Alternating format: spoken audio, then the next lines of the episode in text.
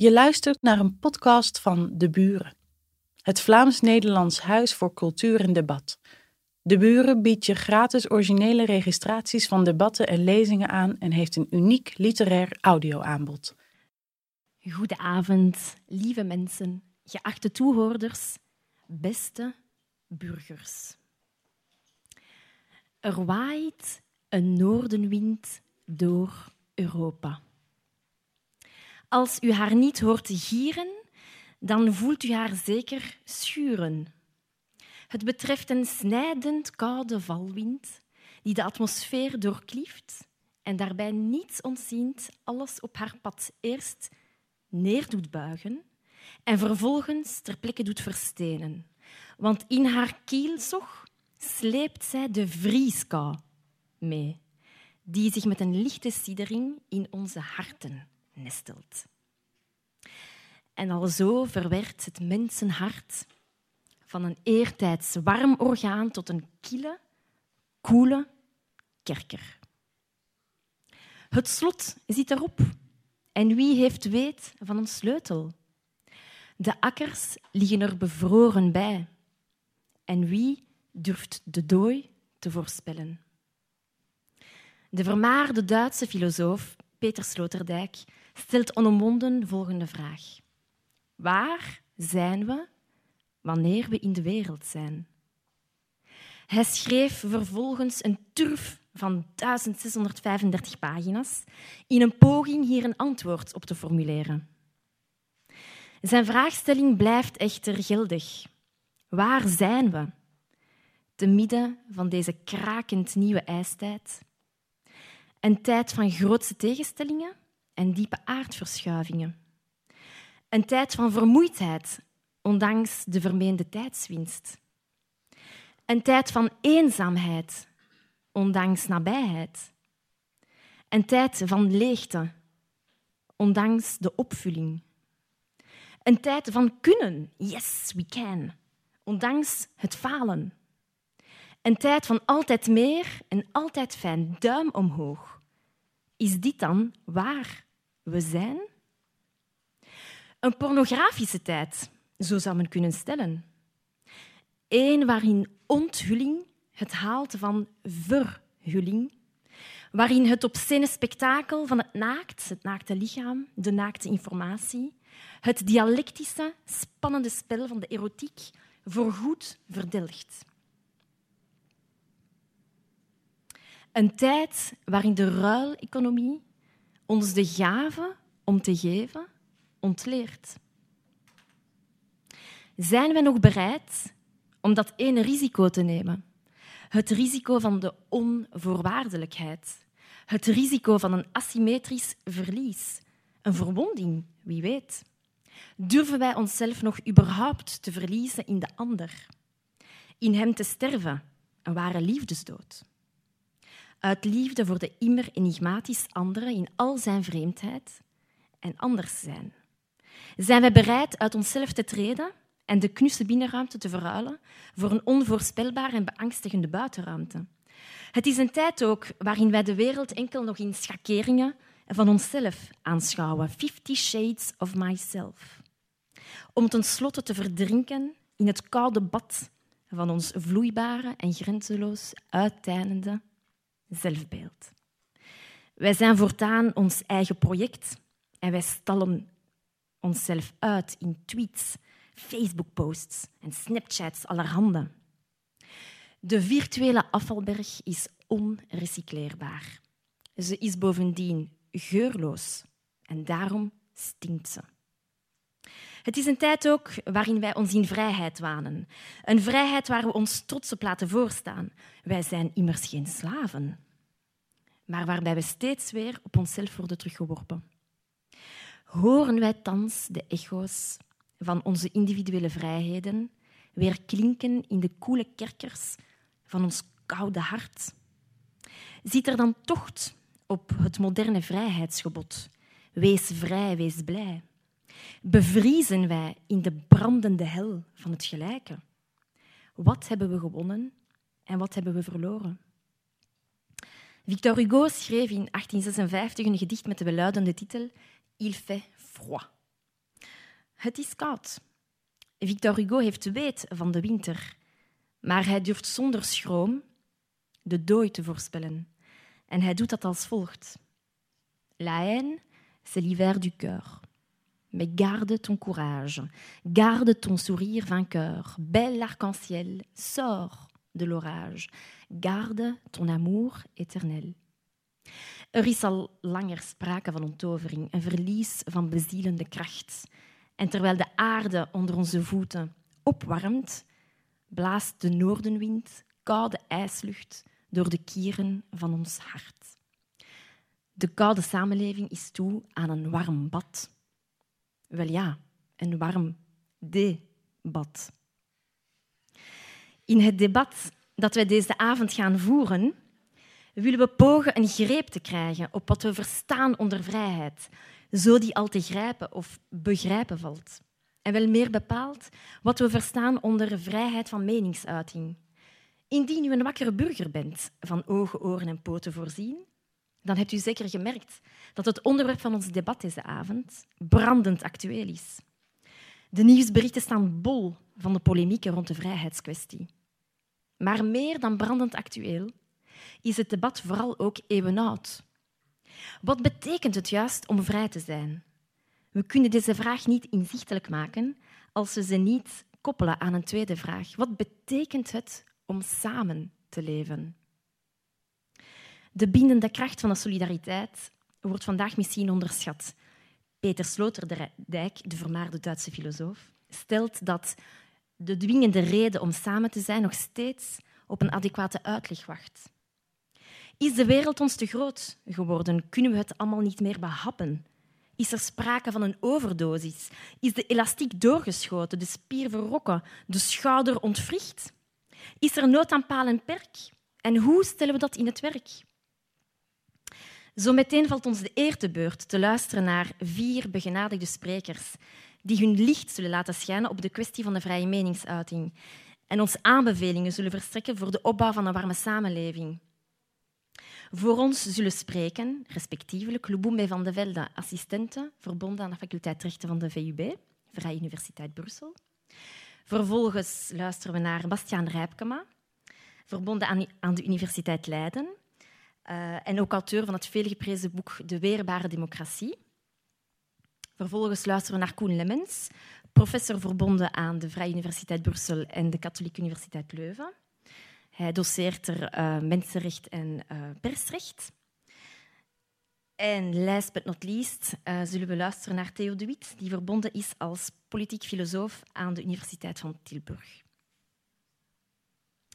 Wij zullen naar hen luisteren en hun woorden zullen niet hol klinken, maar tot inspiratie dienen.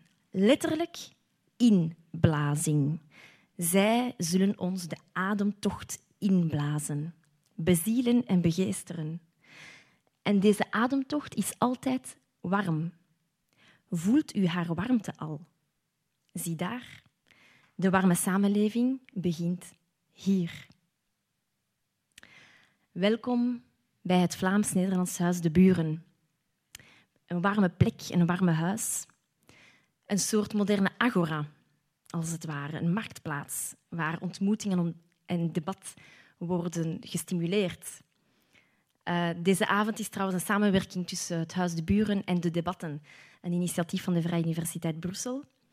En de bedoeling is om uh, een hele serie debatten um, te organiseren uh, over maatschappelijke thema's die er uiteraard toe doen, die actueel zijn, brandend actueel, maar tegelijkertijd nogmaals even oud. En wij hebben de bedoeling om ook jonge mensen daarbij te betrekken. Dus nadat we de sprekers hebben horen oreren, uh, zullen we een debat aanvangen en daarna zal er ook tijd zijn om vragen vanuit het publiek te ontvangen, te bundelen en daarna te beantwoorden. Graag een warm applaus, een warme verwelkoming voor onze eerste spreker, de warmhartige Lubumbe van de Velde.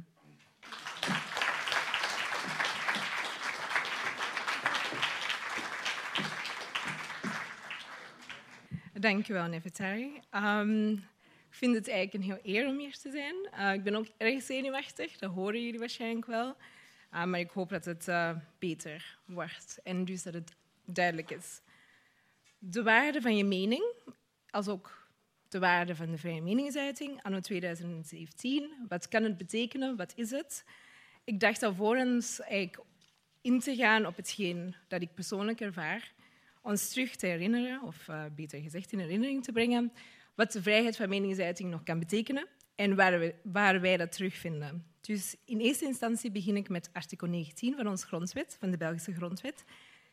Um, de vrijheid van meningsuiting. Dus de vrije eredienst, de vrije openbare uitoefening ervan, alsmede de vrijheid om op elk gebied zijn mening te uiten, zijn gewaarborgd, behoudens bestraffing van de misdrijven die ter gelegenheid van het gebruik maken van die vrijheid worden gepleegd. Dus in principe zouden wij allemaal onze mening kunnen uiten. Um, daarnaast, en daar ga ik niet dieper op ingaan, is artikel 11 van de Grondwet ook belangrijk, omdat het een discriminatieverbod inhoudt. Omdat wij allemaal, dus alle Belgen, uh, gebruik kunnen maken van onze rechten, op een, dus zonder discriminatie en zonder onderscheid. Daarnaast is er ook een bescherming voorzien voor de ideologische en filosofische minderheden, uh, minderheden. Sorry. En dat is zeker wel belangrijk als we het hebben over iedereen en dus uh, het feit dat wij vrij zonder enige vrees voor vervolging onze mening kunnen uiten. Dan hebben we de persvrijheid. Dat is natuurlijk ook zeer belangrijk. Uh, en ik neem aan dat onze sprekers daar dieper op uh, in zullen gaan. En last but not least zou ik het hebben over de uitdrukkingsvrijheid, uh, zoals vervat in het Europees Verdrag voor de Rechten van de Mens. En ieder heeft het recht op vrijheid van meningsuiting. Dit recht omvat de vrijheid de mening te koesteren, de vrijheid om inlichtingen of denkbeelden te ontvangen of door te geven zonder inmenging van overheidswegen en ongeacht grenzen. Dit artikel belet niet dat staten, radioomroep, bioscoop of televisieondernemingen kunnen onderwerpen aan een systeem van vergunningen.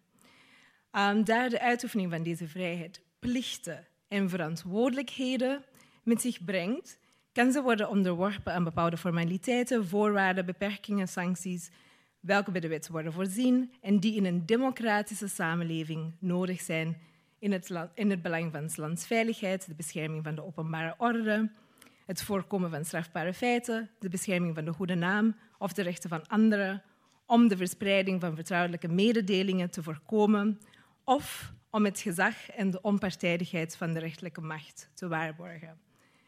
Ik geef toe, ik heb nu voorgelezen, dat is een heel boterham, maar ik wil eigenlijk uh, erop, um, ja, dus ons aandacht op bevestigen op het feit dat iedereen hun mening kan uiten, dat die meningen ook chockerend kunnen zijn, dat de meningen ook frustraties kunnen opwekken, dat de meningen anders kunnen zijn en dat ook filosofische en ideologische minderheden beschermd zijn. Daarnaast wou ik ons wijzen op het feit dat er Um, dus dat er in de tekst uh, vervat staat dat, er ook, dat het een plicht is, dus dat er ook plichten en verantwoordelijkheid verbonden is aan het recht op vrije meningsuiting. Waarom vond ik het belangrijk om, daar, om het daarover te hebben? Um, omdat ik eigenlijk een beetje mijn eigen verhaal wil brengen over hoe het gesteld is met de vrije meningsuiting en hoe dat ik het ervaar als zijnde een vrouw als zijnde een zwarte vrouw, als zijnde een zwarte eh, vrouw met een Afrikaanse achtergrond. Um, dus hoe is het gesteld met de, uh, met de vrijheid van meningsuiting anno 2017? Wel, toen ik die vraag kreeg, uh, dus de vraag om hier te staan voor jullie, gingen eigenlijk ontzettend veel dingen door mijn hoofd gelijktijdig uh, heen. Um, in eerste instantie stond ik, stond ik eigenlijk stil bij het paradoxaal karakter van de vrijheid. De vrijheid, de vrijheid om keuzes te maken, de vrijheid om dingen te doen, de, de vrijheid om hier te staan voor jullie. Maar langs de andere kant uh, was ik me ook bewust van het feit dat de vrijheid niet zonder meer gegund is. Uh, ben ik wel een experte? Wat kan ik nog zeggen of wat heb ik nog toe te voegen aan het thema? Nu, um, ik kan enkel en alleen over mezelf spreken, maar ik voelde eigenlijk, ik had een, een ervaring van een innerlijke tweestrijd, dat ik vaker heb wanneer ik over zulke vragen uh, moet spreken of eigenlijk een antwoord moet bieden. En twee dingen die ik graag zou willen aankaarten in dat verband. Dus in debatten, maatschappelijke debatten, die ook ons, de zogeheten zwarte Belgen, aanbelangen, wordt er vaak niemand van ons gevraagd, maar worden desondanks allerlei halve waarheden uh, verkondigd die ook ons treffen. Ofwel wordt er wel één iemand uitgenodigd, uh, maar diens uitspraken worden dan ineens gebombardeerd tot de mening van de zwarte gemeenschap. Op die manier is een vraag naar vertegenwoordiging, een vraag naar participatie, een moeilijke oefening. Want het is eigenlijk een zoektocht naar wil en plicht. Eén ding lijkt uh, vast te staan. Onder het mom van vrijheid lijk ik voor een keuze te staan. Eenvoudig zou je zeggen. Je krijgt de vraag om hier te staan, je wordt uitgenodigd, doe het. Wat uh, houdt u nog tegen? Maar dan moet ik eigenlijk nadenken. Hoeveel zwarte politici kennen wij? Hoeveel zwarte academici kennen wij? Hoeveel juristen, recht, rechters en economen zijn er eigenlijk in België?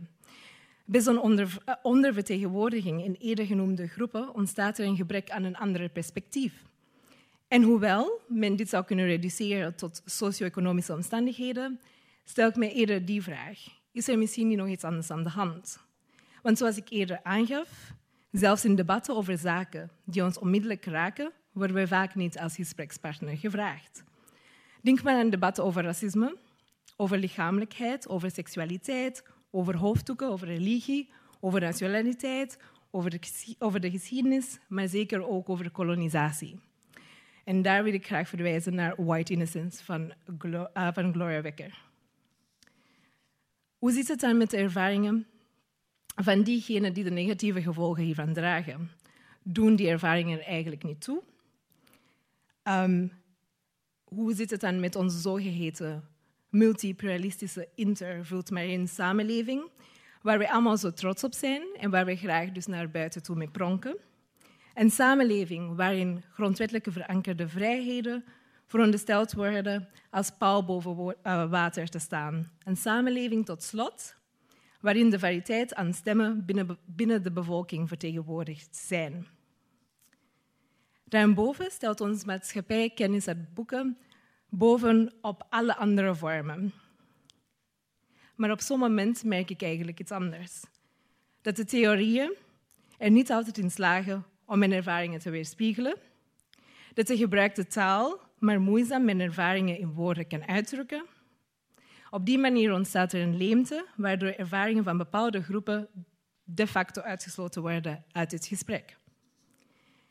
Er wordt weer eens beweerd dat iedereen zijn mening kan uiten. Ja, waarschijnlijk wel.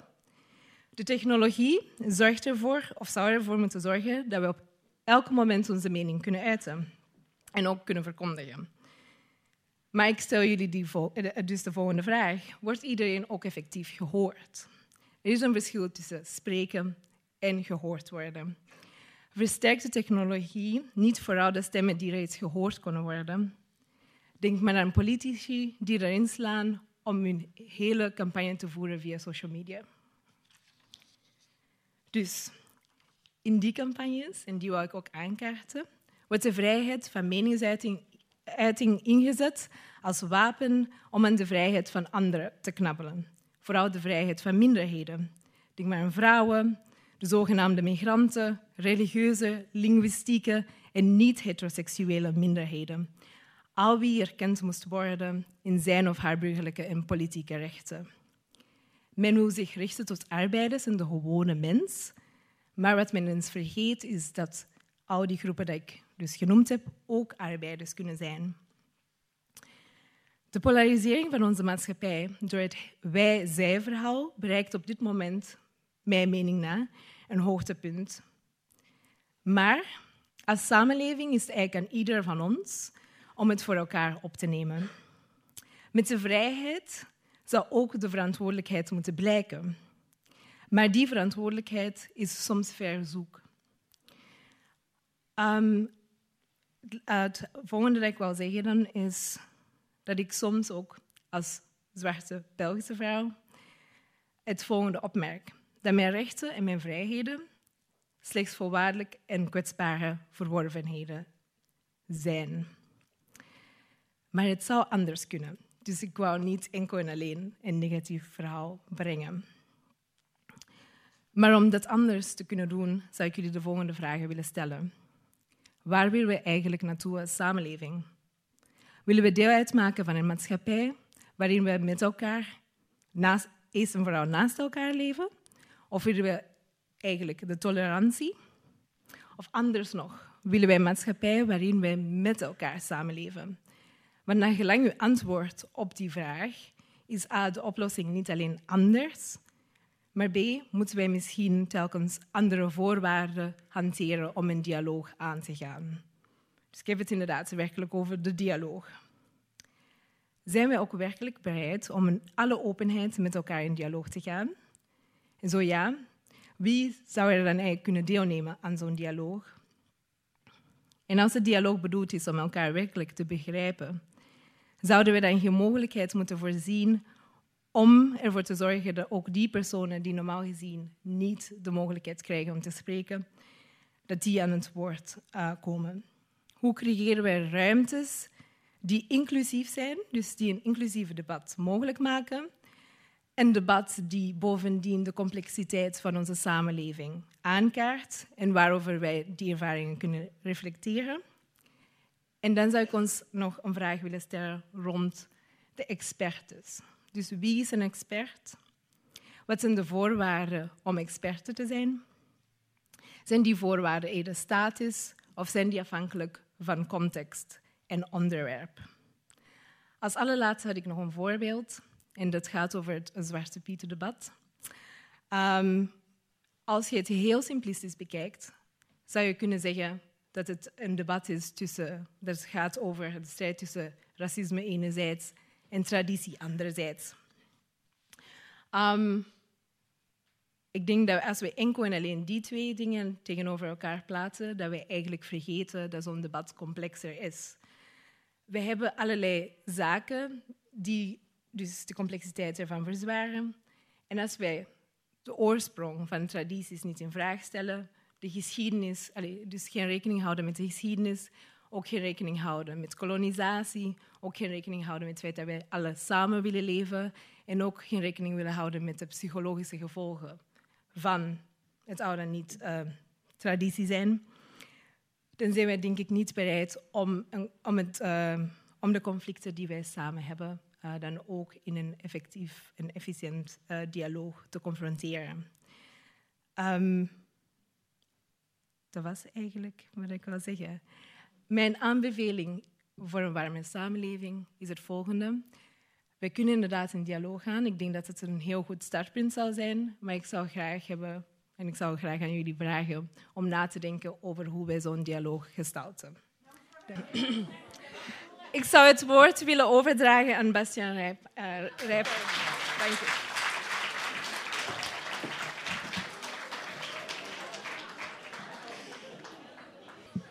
Dank je wel. Um, ja, ik heb uh, even nagedacht over de titel van deze bijeenkomst. Uh, die mogen we ook nog wel even noemen, denk ik. Hè? Die is net niet gevallen. Uh, presidenten mogen alles zeggen. Um, en ik moet eigenlijk de organisatoren complimenteren met die titel van deze bijeenkomst. Die vind ik namelijk heel goed gevonden. En ik heb daar dus een tijdje op zitten kouwen. En het is volgens mij precies de kern van het probleem waar we mee te maken hebben. Um, en waar we het hier vanavond over moeten hebben. Uh, namelijk dat presidenten uh, in de regel vinden dat ze zelf alles mogen zeggen, maar tegelijkertijd ook vinden dat hun critici eigenlijk niet alles mogen zeggen. En ik heb een voorbeeld. Neem ik moet even mijn, uh, mijn apparaat hier allemaal goed installeren hoor.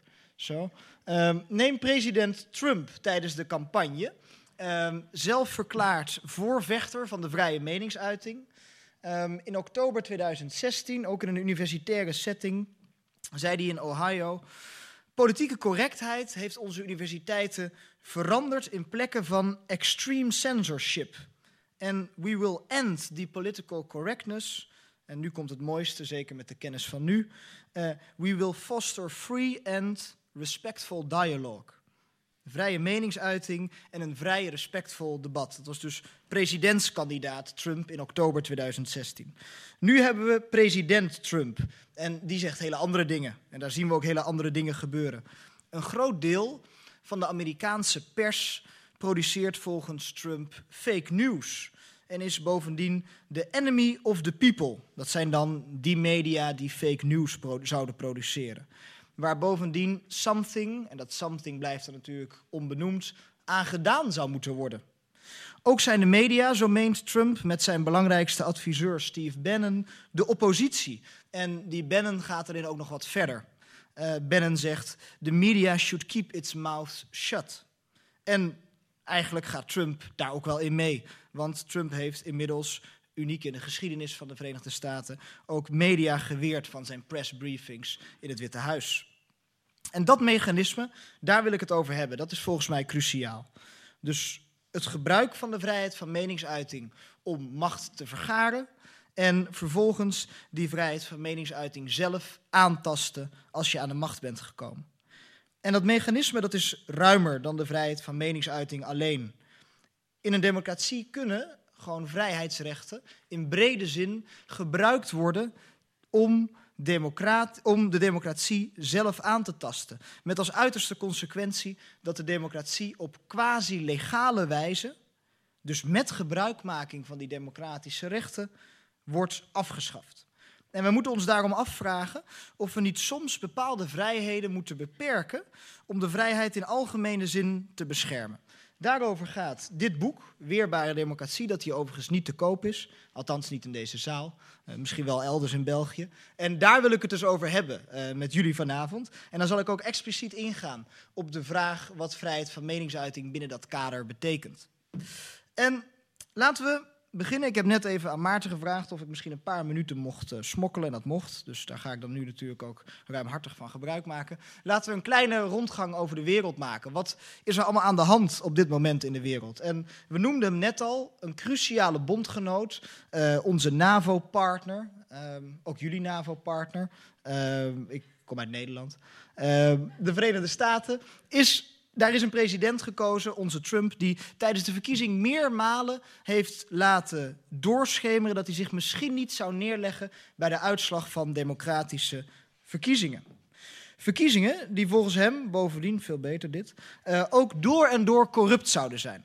Ja, het is lastig als je dat dus niet van papier doet, maar van een scherm, wat ook nog reflecteert.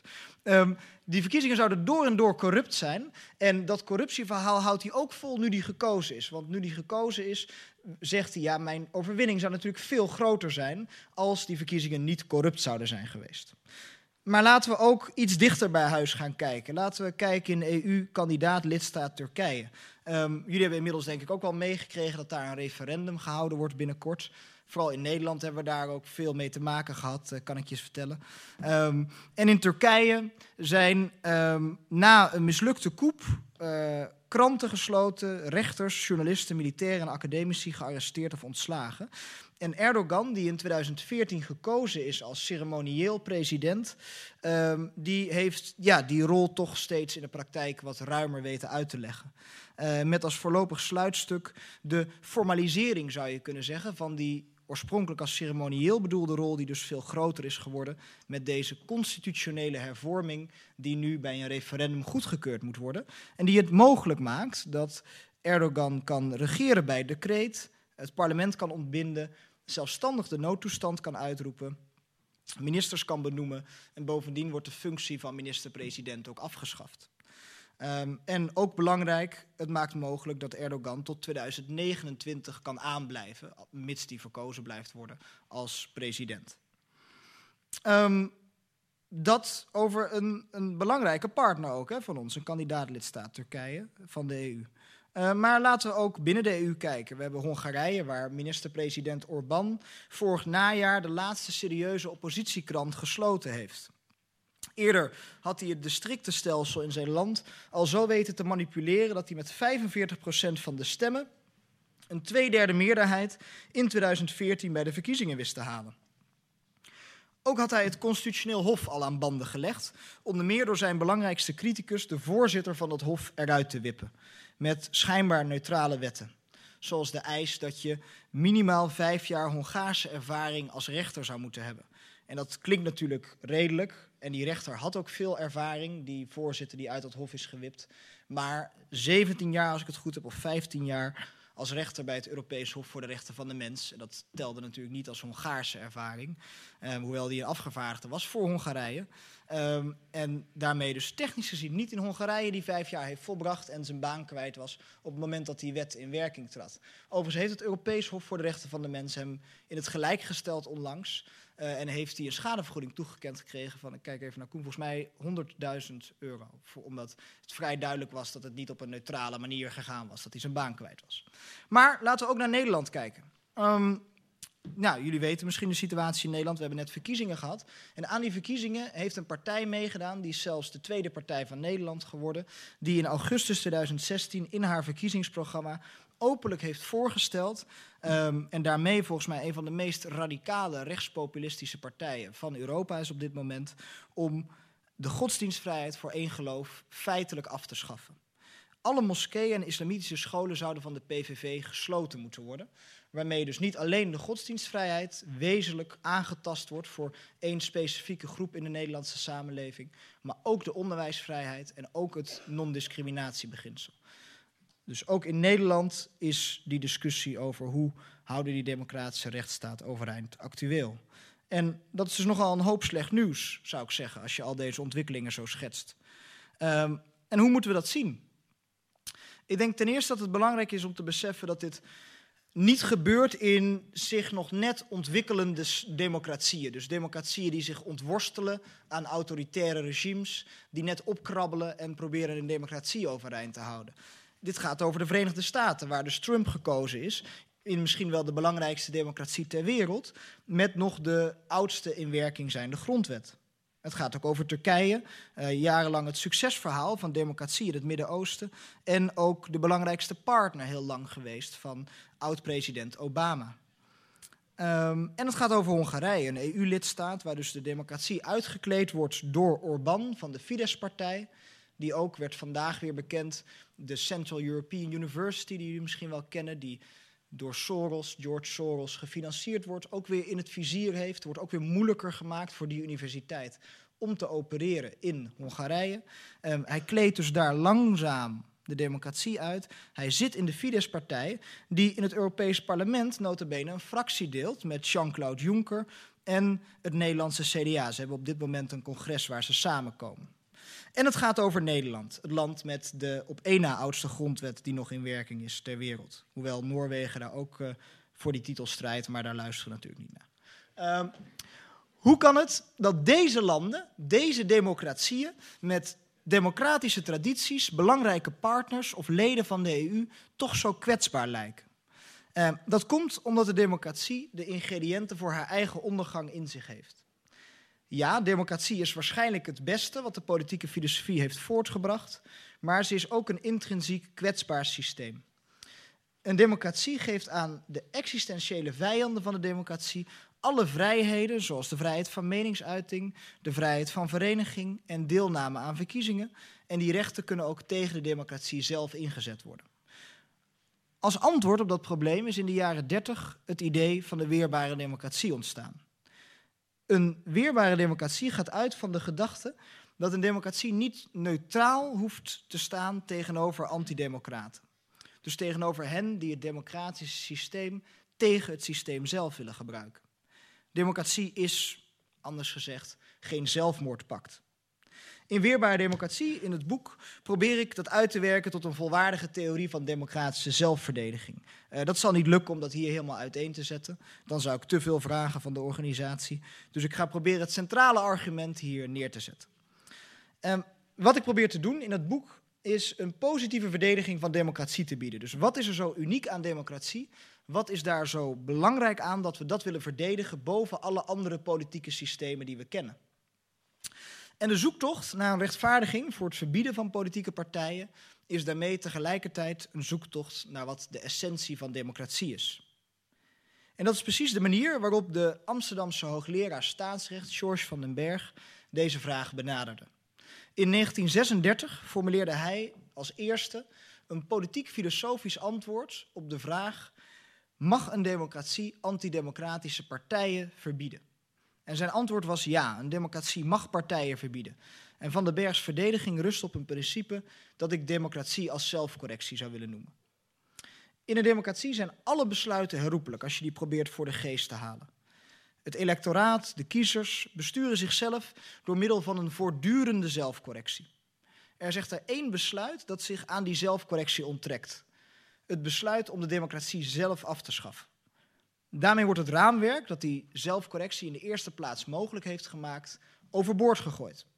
Het is een besluit waar het electoraat nooit op vreedzame, democratische wijze kan terugkomen. En dat maakt ook dat dat het enige besluit is in een democratie, stelt George van den Berg, en dat zeg ik met hem, um, waar democraten zich tegen mogen verzetten. En dat principe, dus democratie als zelfcorrectie, vormt de rechtvaardiging voor het ingrijpen tegen antidemocraten en de basis van de theorie in het boek. En bij het ontwikkelen van die theorie probeer ik de zaken zoveel mogelijk te zien vanuit het perspectief van de rechter.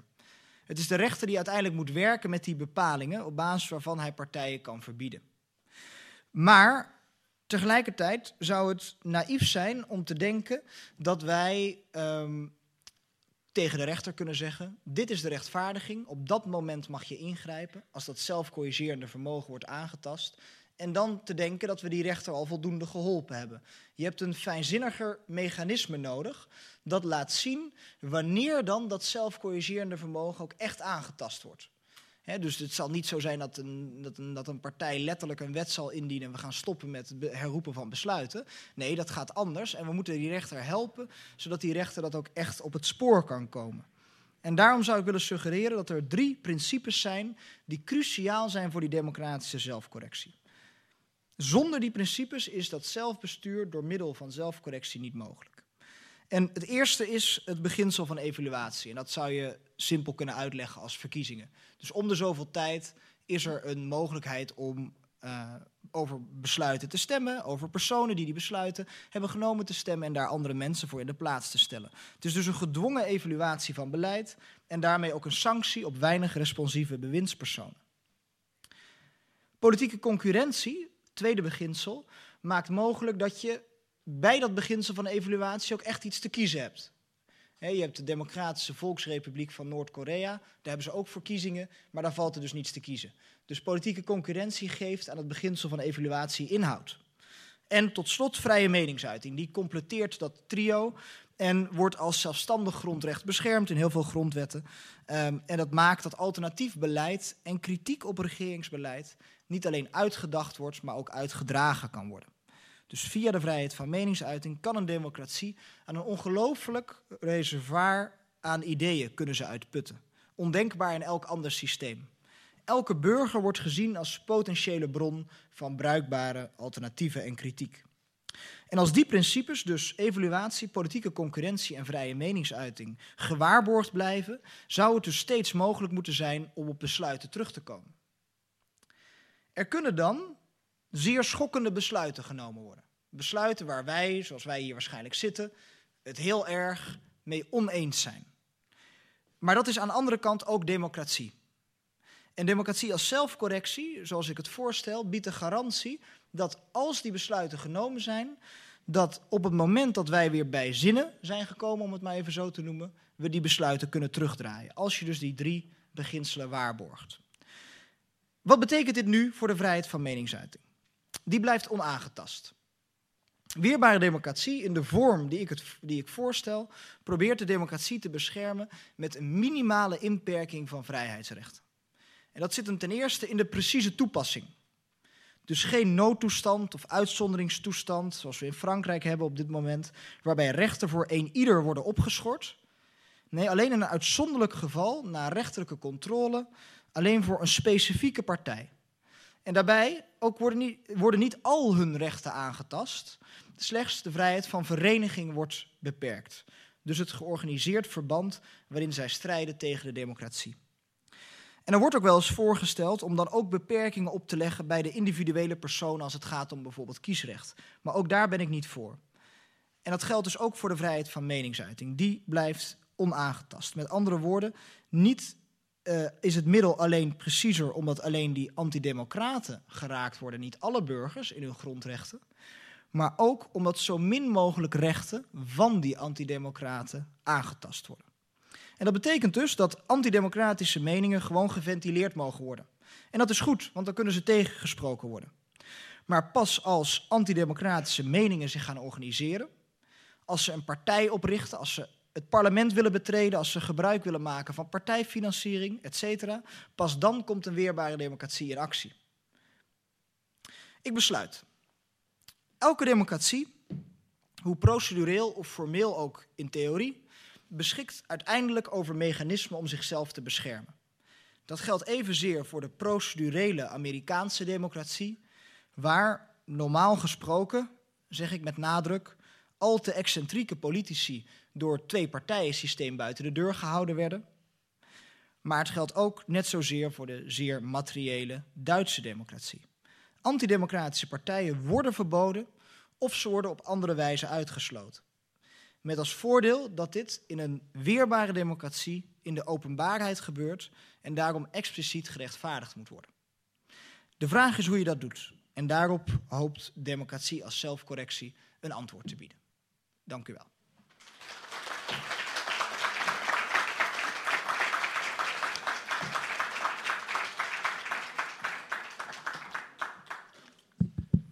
Oké, okay, goede, goedenavond.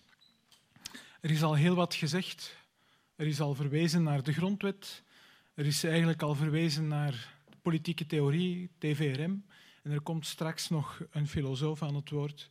Het is heel moeilijk om nog iets te vinden waar ik mij kan tussen wringen. Maar de vrijheid van meningsuiting, dames en heren, betekent ook het recht om niks te zeggen. Uh, niet dat ik dat nu ga, ga doen.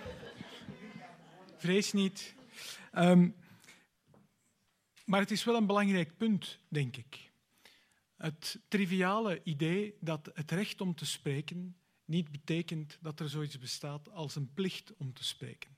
Het blijft een faculteit van een individu. Laten we dat in het achterhoofd houden. Wat ik gewoon wil doen, uh, zijn kort een aantal punten benadrukken die, denk ik, in het debat van vandaag belangrijk zijn en die misschien ook al wat um, een reactie zijn op hetgeen net gezegd is. Mijn eerste punt is een punt dat te maken heeft met wat de Amerikaanse uh, rechtstheoreticus Stanley Fish uh, heel, heel kernachtig uh, omschreven heeft. En Stanley Fish, mocht u dat niet weten, is een jurist, maar is ook iemand die een doctoraat in de letteren heeft. En daarmee is hij dus de enige jurist ter wereld die kan schrijven. Uh, ik, raad hem, ik raad hem echt de lectuur van Fish echt aan. Dat is stimulerend en provocatief. En Fish heeft een boek uitgebracht onder de titel The Trouble with Principle. En eigenlijk zegt dat alles. Want in een liberale democratie geloven wij of laten wij het graag voorkomen dat de vrijheid van meningsuiting losstaat van hetgeen gezegd wordt. De overheid moet neutraal zijn. De overheid mag zich niet inlaten met de ideeën van de burger over het goede leven. En dus wij geloven dat telkens wanneer de overheid ingrijpt, ze dat doet op procedurele gronden, op gronden die eigenlijk losstaan van hetgeen gezegd wordt. En dat is goed zo. En we proberen dat zo lang mogelijk vol te houden.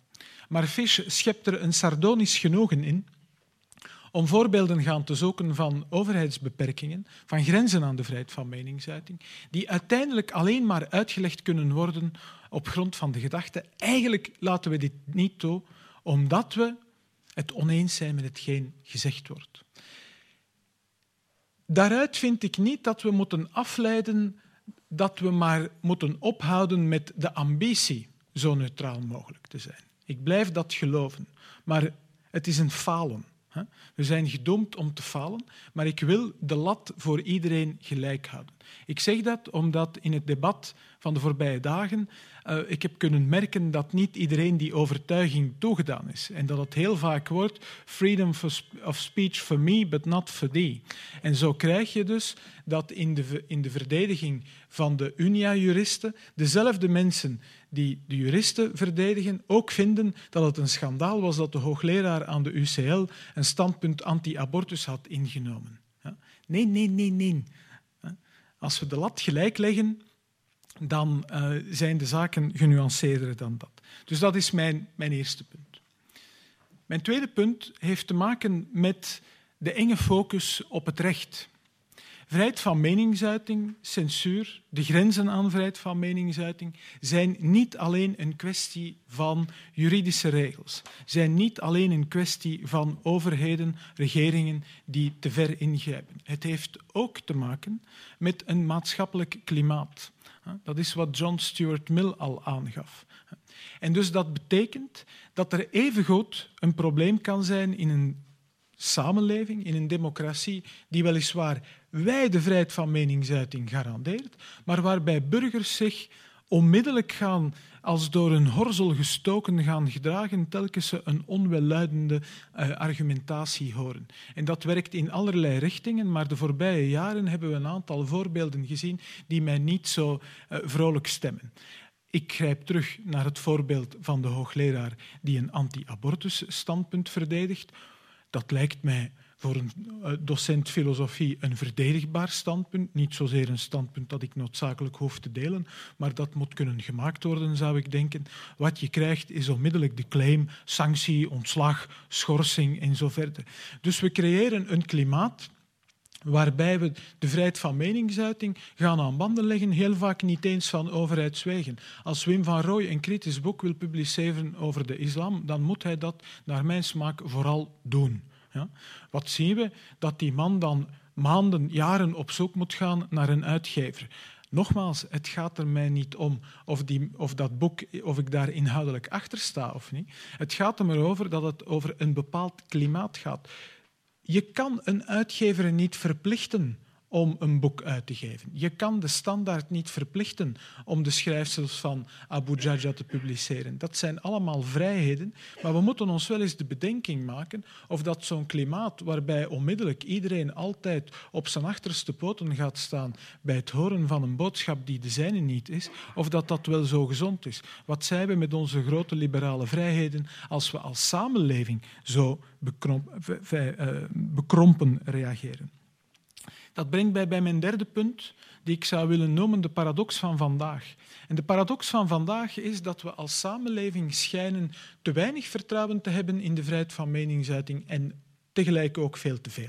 We hebben veel te veel vertrouwen in de vrijheid van meningsuiting, of laten we zeggen, we, we hebben een te sterk geloof in de vrijheid van meningsuiting wanneer het erover gaat de kwalijke gevolgen ervan in te schatten. Die hele verschrikkelijke uh, tendens uh, in de Verenigde Staten dat, dat, dat werkelijk armzalige, zelige safe space gedoe, dat, dat gejengel over trigger warnings, dat, dat intellectueel gekleuter, dat, dat, dat, dat werkelijk testimonium paupertatis van, van mensen die zich niet kunnen verweren, dat is eigenlijk gewoon gesteund op de gedachte dat een een, een scherpe uitspraak, een, een, een, een, een gedachte met, waarmee we het niet eens zijn, een onwaarschijnlijke schade kan aanrichten. Ik beweer niet, voor alle duidelijkheid, dat meningsuitingen geen schade kunnen aanrichten. Ik stel alleen maar vast dat men dat aan de ene kant opblazen tot gigantische proporties. Terwijl aan de andere kant, paradoxaal genoeg, als we dan toch zo overtuigd zijn van de kracht van een meningsuiting, waarom roepen we dan niet gewoon terug? Dat moet dan toch het krachtigste wapen zijn. En dan, gek genoeg, geven we niet thuis. Want dan vinden we dat het krachtigste wapen het verbod is. De interventies, de sancties. En dan krijgen we van die zielige gevallen dat ik ben een, een, een Belg, ik kan daar ook niet aan doen, dus ik ben een wielerfan. En dan krijgen we van die armzalige situaties waarbij zo'n wieleraffiche van een wielerwedstrijd, de E3-prijs, dan gaan we daar een campagne over voeren. Maar potverdorie, roep toch iets terug in plaats van zo'n campagne te verbieden. En, dan, en we kunnen nu wel zeggen, ja, maar dat zijn belangrijke zaken en ik, ik begrijp dat allemaal wel, maar ik zou toch willen waarschuwen voor een slippery slope. Want het is echt niet moeilijk. En in de sociale wetenschappen, in de sociale theorie, en als u mij niet gelooft, dan raad ik u aan u in te schrijven op de New Peer Review ehm, eh, op Twitter. En dan kan u zo eens zien wat, ehm, wat voor onderzoek er allemaal gebeurt. Het is echt niet moeilijk om academici te vinden die in de Smurfen, die in uh, Asterix en Obelix schandalige, uh, uh, laten we zeggen, subliminale ehm, conditionering van mensen zien, zodanig dat ze zich seksistisch gaan gedragen. Of Obelix, dat is natuurlijk één geval van fatshaming. We moeten daar niet moeilijk over doen. Dus het zal, ik, het, ik vraag mij af, ik vind dit overigens een discriminatie, ik, ik meen dit echt, ik vind dit een discriminatie van, van, van mensen zoals mezelf en nog erger, mensen met een, een beginnend embonpoint. Maar waarom men in de, waarom men in de, in de Efteling wel over Monsieur Cannibal een, een zaak gemaakt heeft, maar niet over Hollebolle Gijs, dat is natuurlijk... Een ja, maar u lacht daarmee, maar de keren dat men, toen ik nog wat jonger was, dat men op de, in de lagere school uh, Hollebolle Gijs geroepen heeft, uh, dat doet wat met een kind, hoor. Enfin, dit, nu, ik weet natuurlijk ook wel dat er historische verschillen zijn, maar we moeten, daar, we moeten opletten met dit soort mentaliteiten. Dat brengt mij bij mijn vierde punt. Een andere paradoxale evolutie. En ik zeg het als alumnus van de VUB. Voor de mensen die hier niet aanwezig zijn, de VUB dat is het de universiteit waarvan de studenten, en ze zullen nu rechtveren en spontaan uit volle borst zingen, glorie, glorie, halleluja, Brusselse studenten van de Klauwaard en de Geus. Ja, en Geus, dat zijn minderheden. Dat waren serieuze minderheden in dit land. Ja. En die hebben moeten vechten. Die hebben moeten vechten voor hun vrijheden, voor hun uh, uh, recht om te kunnen spreken. En wat zij niet vroegen, wat zij niet vroegen, was dat de anderen zouden zwijgen. Wat zij vroegen was dat zij zouden mogen spreken. En de arkprijs van het vrije woord is daar nog altijd tot op de dag van vandaag een bewijs van. Als de anderen weigeren schrijvers te, te, te, te romen voor hun werk, omdat het zo gezegd strijdig is met de goede zeden of omdat het blasfemisch is of wat, dan zullen we zelf een prijs uitreiken. Dat is de traditie van het vrije woord. Vrijheid van meningsuiting is historisch gezien een claim van een minderheid. Een minderheid om te kunnen spreken tegen wat we zouden kunnen noemen een establishment. Een, een politiek establishment, een religieus establishment. Het doet mij pijn het spijt mij zeer te moeten zien dat er een perversie in het denken plaatsgevonden heeft en dat wat ik vandaag hoor, zijn vooral claims van mensen die vinden dat de anderen moeten zwijgen. De anderen moeten zwijgen. Omdat ze dingen zeggen waarmee ze het niet eens zijn en omdat bijvoorbeeld ik vind dat men niet moet lachen met Obelix en Hollebolle Gijs. Dat is niet wat vrijheid van meningsuiting zou moeten zijn. Dit is werkelijk uh, een gevaar. En waarom is dit een gevaar? Omdat je niet weet waar... U weet wel waar u begint, maar u weet niet waar u eindigt. En er kan altijd wel een groep recht staan waar we nu niet aan denken, maar die gaat recht staan en die gaat zeggen, en wij dan? Hebben wij dan geen recht op? Ja, u heeft ook recht. En dus wij zijn, sluipenderwijs, met de beste bedoelingen, zijn wij een grote big chill aan het organiseren. En dat is de verwarring van deze tijd die het beste tot uiting gekomen is met, dacht ik, naar aanleiding van de tragedie bij Charlie Hebdo. Iedereen die een beetje vertrouwd is met de Franse cultuur en de geschiedenis van Charlie Hebdo, weet in welke hoek dat blad te situeren valt. Dat is een anarchistisch, of dat was een anarchistisch links blad. Ja? Als u op Mars zou wonen en zou geland zijn de maanden na de tragedie, dan zou u en u zou gelezen hebben wat men wereldwijd in de media over Charlie Hebdo schreef, dan zou u de indruk gekregen hebben dat we hier te maken hadden met een extreem recht blad, de, de, de, de erfopvolger van de Völkische Beobachter of zoiets. Ik vind dat, ik vind dat een weinig gelukkige, um, een weinig gelukkig, gelukkige evolutie. Dat brengt mij bij mijn vijfde punt. Is een punt van Alain Finkielkraut, die dat ook maar gehaald heeft bij iemand anders, maar diens naam ben ik dan helaas vergeten.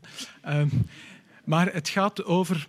Het was een, een, een Sovjet-dissident in Frankrijk die een boek geschreven heeft onder de titel in de jaren 70 La douleur de la liberté. Dat is wat we moeten leren herontdekken. Vrijheden, vrijheden, het uitoefenen van rechten en vrijheden, dat, dat is niet gratuit. Ja. En dat brengt altijd een prijs met zich mee. Ja. Want vrijheden uitoefenen, dat betekent keuzes maken. En kiezen is verliezen. En sommige mensen gaan gegriefd zijn. Gegriefd zijn door het feit dat anderen rechten gebruiken. Ja. Ik ga een heel triviaal voorbeeld geven. Het recht op voeren van handel betekent uiteraard dat u pal naast de bakker uh, ook een bakkerij mocht beginnen. Dat gaat die oorspronkelijke bakker niet leuk vinden. Ja. Dat betekent een omzetdaling. Ja. Dat is de prijs van de vrijheid. Ja. Die prijs van de vrijheid die aanvaarden we in heel veel gebieden, maar blijkbaar wanneer het gaat over de vrijheid van meningsuiting, zijn we daar niet voor bereid om die te aanvaarden. Nu, het alternatief is altijd erger. Dus ik weet dat de vrijheid van meningsuiting, en ik pleit zeker niet voor een absolute vrijheid van meningsuiting, maar ik weet dat er misbruiken zullen zijn. Ik weet dat er uitschuivers zullen zijn. Maar doorgaans, globaal gezien, zal het alternatief, de sanctie, de beperking, de censuur erger zijn. Dat brengt mij bij mijn zesde punt. We moeten misschien leren om een onderscheid te maken tussen de interpersoonlijke relaties, waar effectief fatsoen de norm moet zijn, of beste norm is, en laten we zeggen het algemene ideeëndebat. Niet alleen was ik als kind dus een hollebolle gijs, bovendien tot overmaat van ramp had ik een overgroot oom die een duivenmelker was. Die man vond, en misschien had hij zijn prioriteiten netjes op orde, een groot glas, een wielerwedstrijd en duivenmelken. Meer hoorde een mens niet te hebben in het leven. Wij vonden dat ongelooflijk. Dat glas begrepen we later dat hij gelijk had. Dat wielrennen, daar had hij ongetwijfeld ook een punt. Dat duivenmelken nooit begrepen. Het punt was, wij zouden die man, dat werd ons op het hart gedrukt als kind, nooit in zijn persoonlijke aanwezigheid, zouden wij die uiteraard nooit geschoffeerd hebben. Dat doe je niet. Face to face. Als ik weet dat iemand geweldig begaan is met een hobby, een overtuiging, een gedachtegoed, een, een, een voetbalclub en zo verder, dan ga je niet kwetsend of scherp formuleren. Dat lijkt mij de evidentie zelf te zijn. Maar dat daar meteen ook zou uitvolgen dat meteen elk algemeen debat in de kranten, in tijdschriften, op radio en tv over dat onderwerp meteen ook maar taboe moet worden, dat is een verkeerd begrepen vorm van beschaving. Een Nederlandse antropoloog schreef in Trouw: beschaving is zelfcensuur, wen er maar aan. Ik zou daar willen aan eh, bij zeggen, zelfcensuur in het interpersoonlijke contact, maar in het algemene contact, dat kan, kan dat nooit, in het algemene debat kan dat nooit een regel zijn. Want u zal altijd, altijd wel eens iemand kwetsen. Zelfs al bedenkt u het niet op het moment zelf. Een Brugse brouwerij heeft enkele maanden geleden het voor gehad dat plots een groepering uit Indië een bezwaar maakte tegen het etiket, omdat daar een of andere lokale god zou afgebeeld zijn met bier. Die, is iets met een olifant. die brouwerij heeft daar nooit bij stilgestaan, heeft daar nooit over nagedacht, maar wordt nu plots geconfronteerd met die claim. Dat is natuurlijk een beetje vreemd. Als ik moet beginnen nadenken over alles wat ik zeg en wat daarvan de impact zou kunnen zijn wereldwijd, dan kan ik maar beter zwijgen. En dat is natuurlijk waar u stilaan uh, naar, naar tracht. Maar ik heb nog twee punten die ik te maken heb. Mijn zevende punt, en dus het voorlaatste, is het punt van het debat. En misschien zijn we daar, of als juristen, een klein beetje um, leiden we aan beroepsmisvorming, omdat juristen toch in de eerste plaats getraind zijn om na te denken over argumenten en te focussen op argumenten. En dat komt nog het best tot uiting in rechtszaal. Iedereen loopt daar rond in toga. De niet-jurist vindt dat elitair, vindt dat een teken van afstand creëren. Ik dacht dat vroeger ook, en toen werd ik jurist. En toen begreep ik hè, uh, wat de waarde daarvan is. Want die toga's die hebben, die maken eigenlijk de individuele persoon onzichtbaar. En die creëren een gelijkheid in de rechtszaal. Zodanig dat er enkel nog moet geluisterd worden naar wat er gezegd wordt, niet naar wie er spreekt. En dat is wat we ook veel te veel aan het doen zijn in het debat van vandaag. Ik heb een gloeihekel, maar dat hangt dus samen met mijn uh, francofilie, helaas, aan het soort identity politics, mijn excuses, waarbij men gaat zeggen, ah, maar dit wordt gezegd door... I don't care. Ik luister naar wat er gezegd wordt, niet naar wie er spreekt. En het kan mij niet schelen of er een vrouw spreekt, of er een man spreekt, een heteroseksueel spreekt of een homoseksueel spreekt. Dat doet er niet toe. Wat uw overtuigingen zijn, wat uw huidskleur is, wat uw geslacht is, I don't care. Ik luister naar wat u zegt en daarop wil ik reageren. Dat betekent ook dat omgekeerd er niet tegen mij moet tegengeworpen worden van u zegt dit, want u bent een man, I don't care. Ik wil dat niet als voordeel in mijn voordeel aanwenden, gelieve dat dan ook niet in tegendeel aan te wenden. Als we dat doen, gaan we net doen wat het recht nooit heeft willen aanvaarden, het argument ad hominem. En dan zijn we een soort rule of man aan het maken. En terwijl we het willen hebben over de rule of law. Laten we het ideeëndebat um, uh, laten leven, los van wie er net spreekt. Het leidt werkelijk nergens naar en het wordt een bepaalde vorm van, uh, het is een ongeldige manier van argumenteren. Dat brengt mij tot het laatste punt. Vrijheid van meningsuiting, waarvan het Europees Hof voor de Rechten van de Mens dus ook zegt, het gaat over ideeën die, die um, kunnen kwetsen, die, des idées qui qui choquent, qui inquiètent, die kunnen verontrusten. Vrijheid van meningsuiting heeft een moeilijke relatie met verantwoordelijkheid van burgers. Uiteraard, als burger, maar dat is een, al meteen een individuele invulling, als burger wil ik ook die warme, inclusieve samenleving. Als burger, als persoonlijke overtuiging.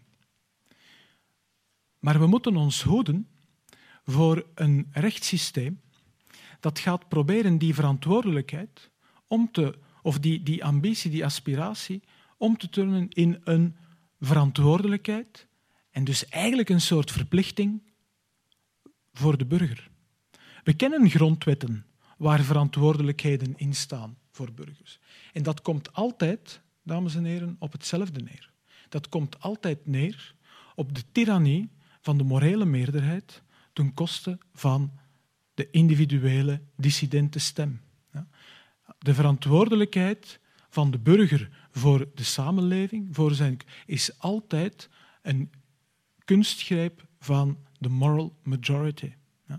En dus zelfs indien die moral majority waarden zou verdedigen waar we kunnen voorstaan, dan nog zou ik zeggen, hoed u ervoor. De Hongaarse grondwet, het is aan bod gekomen. De Hongaarse grondwet die vindt verantwoordelijkheden belangrijk. In het Afrikaanse charter voor de rechten van de mens, daar vindt u verplichtingen ten aanzien van de traditionele Afrikaanse waarden. Al respect voor de traditionele Afrikaanse waarden, maar ze worden ook vaak gebruikt slash misbruikt ten aanzien van progressieve Afrikaanse kunstenaars, ten aanzien van mensen die LGTB-rights verdedigen. En dan heeft men maar eenvoudig te zeggen, dit strijdt met onze traditionele waarden, met onze traditionele opvattingen van samenleving. Meneer Poetin doet dit nu in Rusland al gedurende een paar jaar, de Russian Traditional Values. En de Russische burgers hebben een verplichting om verantwoordelijk te zijn en die rechten te verdedigen. Dat is censuur, dat is tirannie, dat is onvrijheid onder een lieflijk sausje. Ik denk dat Milan Kundera dat linkse kitsch zou noemen. Dat is wat ik u wilde zeggen.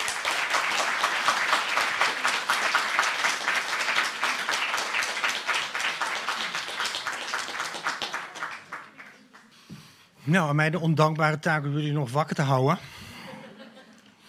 Uh, veel is al gezegd. Ik uh, zeg een aantal dingen die jullie gehoord hebben, maar eigenlijk op een wat andere manier. Uh, ik begin ook, zoals al een paar mensen hebben gedaan, wat is nou het positieve van de vrijheid van meningsuiting in een democratie? Om daarna me de vraag te stellen, wordt dat nou vandaag bedreigd? Uh, waarom eigenlijk? Um, ik, noem, ik noem een aantal punten. Allereerst zou ik zeggen, is het bijzondere van onze moderne representatieve democratie dat verdeeldheid en conflict normaal zijn. Anders gezegd, eenstemmigheid is niet het uitgangspunt en ook niet het doel. Pluralisme is blijvend. Dat is één ding. Dat heeft ook te maken met dat in onze democratie niemand van tevoren, om zo te zeggen, al in het bezit is van de kennis van wat het algemeen belang inhoudt. Vroeger was dat wel zo. Vroeger had je bijvoorbeeld bepaalde privileges door je adellijke afkomst, door je contact met de goddelijke waarheid. Of vandaag bijvoorbeeld, heel populair, door je fantastische band met het volk. Dat geeft je eigenlijk al een soort voorsprong, dus het idee. Een moderne democratie berust slechts op de wil om samen te leven. In een democratie staan we dus allemaal als gelijken voor dezelfde zaak, het algemeen belang, dat slechts tot stand komt via overleg en deliberatie. Want inderdaad, iedereen is wel verplicht om zijn voorstellen in termen van dat publieke belang te formuleren. Je kunt dus niet zomaar zeggen, mijn achterban wil het niet. Of juist wel. Democratie is dus ook iets anders dan pure uitruil van belangen. En in een discussie hoop je zelfs van je politieke tegenstander nog wat op te steken. Dat is de beroemde shock des opinions. Er zit dus daar een soort element van hoop en zelfoverstijging in onze democratie. Wat heel mooi is. En omdat waarheid en rechtvaardigheid permanent van een vraagteken zijn voorzien, zijn ook dissidente stemmen welkom. Maar, volgende punt, in onze democratie wordt niet alleen overlegd, er moeten ook besluiten vallen. Maar ook hier geldt, niemand is verplicht om die meerderheidsbesluiten die tot nieuwe wetgeving leiden, toe te juichen of zelfs maar zinnig te vinden. Een democratisch meerderheidsbesluit heeft daarmee iets van een ritueel. Het beëindigt via een stemming voorlopig de discussies. Een meerderheidsbesluit is dus ook niet hetzelfde als de waarheid. Zo'n besluit heeft slechts de status van een voorlopige beslissing van een tamelijk toevallige meerderheid. En juist dat rituele aspect maakt het draaglijk voor wie een democratisch dispuut heeft verloren. Alleen uitwendige gehoorzaamheid wordt van ons gevraagd als er eenmaal een wet is aanvaard innerlijk verzet als ook uiterlijk protest tegen de nieuwe wetgeving binnen de kaders van de rechtsstaat blijven volledig toegestaan. Dat is de befaamde gewetensvrijheid. Ook een overstemde minderheid houdt zo uitzicht op een ander, beter besluit en hoop op een betere wereld. Samengevat, de kern van onze democratie is dus, zou ik willen zeggen, de scheiding van waarheid en rechtvaardigheid. Dat impliceert dat elke heilsleer, religieus of seculier, in onze democratie noodzakelijk een soort besnijdenis ondergaat. Of Freud had het wel eens over een narcistische krenking. Wel nu, stellen we nu eerst vast dat dit model van democratie zijn wortels heeft in de 19e eeuw. Bijvoorbeeld, zo stamt de choc des opinions als instrument om naar de waarheid op zoek te gaan van de Franse parlementariër of theoreticus Guizot. De idee dat dissidente stemmen welkom zijn, vind je bij John Stuart Mill. Terwijl de idee van een legitieme verdeeldheid eigenlijk een late vrucht is van de lessen van de godsdienstoorlogen en het afscheid van geestelijke homogeniteit. Wel nu, nu komt mijn vermoeden.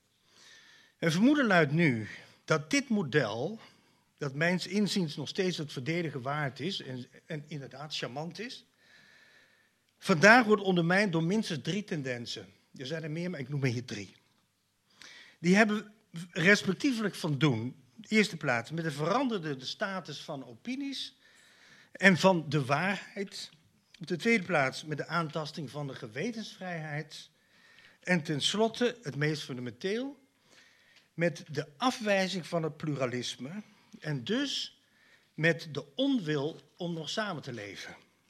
Ik zal ze alle drie nog kort toelichten. Eerste punt. Veranderde de status van opinies en van de waarheid. Machiavelli heeft ooit gezegd: de ene verandering legt altijd de grondslag voor de verandering die volgt. Dat geldt volgens mij ook voor de veranderde betekenis van de waarheid in onze democratie. In Nederland wordt in 2004 vermoorde Theo van Gogh, columnist, cineast, door velen nog steeds gezien als een authentieke held van de vrijheid van meningsuiting. Zelf zag en zie ik dat anders. Het recht dat Van Gogh opeiste op die eindeloze reeks vetes, scheldpartijen en tirades, kortom, het recht om jezelf verbaal tot ontploffing te brengen, dat recht is mijns inziens het symptoom van een illusie. De illusie dat we intussen leven in een postpolitieke, hyperindividualistische samenleving. Een samenleving waarin woorden in sociaal opzicht betekenisloos zijn geworden. Omdat er immers geen gedeelde betekenissen en symbolen meer zijn. In zo'n, laten we zeggen, expressivistische samenleving kan niemand meer geschokt worden. Ieder doet zijn eigen ding, dat voor het overige niemand anders iets aangaat. Omdat ieder project een strikt individuele idiosyncrasie is geworden. Die min of meer onopgemerkt en zeker ongestraft kan worden uitgeleefd. Taboe is hier alleen het taboe. Vrijheid van meningsuiting komt hier neer op de aggregatie van meningen en oprispingen. In een politieke samenleving, binnen een politieke wereld echter, is vrijheid nooit absoluut. Iemand als Van Gogh legde wel de basis voor de scheld- en slachtoffercultuur die wij in Nederland regelmatig verwarren met de vrijheid van meningsuiting. In die cultuur is de vrijheid van meningsuiting voor de meerderheid het voertuig om zichzelf te beschrijven als het slachtoffer van minderheden. Die hier de boel komen overnemen. En natuurlijk vice versa. En tenslotte bereiken we het post-truth tijdperk. Zoals we intussen ervaren, de naam is al gevallen met Donald Trump, Erdogan, Poetin en in Nederland Wilders. En trouwens eerder ook al Berlusconi. Daarin, in dat tijdperk, geld je als authentiek en geloofwaardig wanneer je elke pretentie van consistentie, feitelijkheid en controleerbaarheid opgeeft. Zeggen wat er in je opkomt, wat het ook is, ongeacht de gevolgen, is het bewijs bij uitstek dat je niet tot de neppolitie hoort. Argumentatie en de wisseling van argumenten is dan niet langer een teken van kracht, maar eerder van zwakte. Het gaat erom dat je dominantie, succes en leiderschap uitstraalt. Zoals menig diagnose intussen vaststelde, was de strijd tussen Trump en Clinton een seksenstrijd waarin niet het debat om waarheid en rechtvaardigheid, maar autoritarisme en dominantie de doorslag gaf. Het tweede punt, de gewetensvrijheid. De opkomst van het politiek autoritarisme is een duidelijk teken dat wij tegen de grenzen van het expressivisme aanlopen. Die grens werd ook al zichtbaar in de neiging van democratisch gekozen regeringen om de gewetensvrijheid van minderheden te offeren op het altaar van de assimilatie. Het inmiddels demissionaire kabinet in Nederland stelde zich bijvoorbeeld ten doel om niet alleen de verinnerlijking van het rechtsbewustzijn bij alle burgers te bevorderen, dat verdient volgens mij zonder meer onze steun, maar ook de stimulering van de normale, dus juiste meningen. Zo rekende de Nederlandse sociaal-democratische minister Ascher het tot zijn taak te gaan bevorderen dat Nederlanders, lees nieuwe Nederlanders, een positief oordeel hebben over lesbiennes, homo's, biseksuelen en transgenders. Andere politici hebben momenteel een verbod op van gedachten en fantasieën over het kalifaat in gedachten. Dat alles wijst op het oprukken bij rechts en links van de conservatieve versie van het expressivisme. Waarbij ik verwacht dat anderen, en vooral nieuwkomers, zo snel mogelijk worden geïncorporeerd in onze als familie opgevatte natie, zodat hun vreemdheid en eigenheid volledig verdampt. De laatste ontwikkeling is ook voor de vrijheid van meningsuiting het meest ernstig. En in ons deel van de wereld sinds de Tweede Wereldoorlog niet meer vertoond. Luisteren we naar het volgende statement van Geert Wilders als uitleg waarom hij in Nederland de Koran wil verbieden. Soms moet je de vrijheid van mensen inperken om de vrijheid van het totaal te beschermen. Om zo'n uitspraak te begrijpen, heb je niets aan de politieke ethiek van denkers als John Rawls of Charles Taylor. Je moet bij een minder bekende grootheid als de Amerikaan Paul Kahn zijn.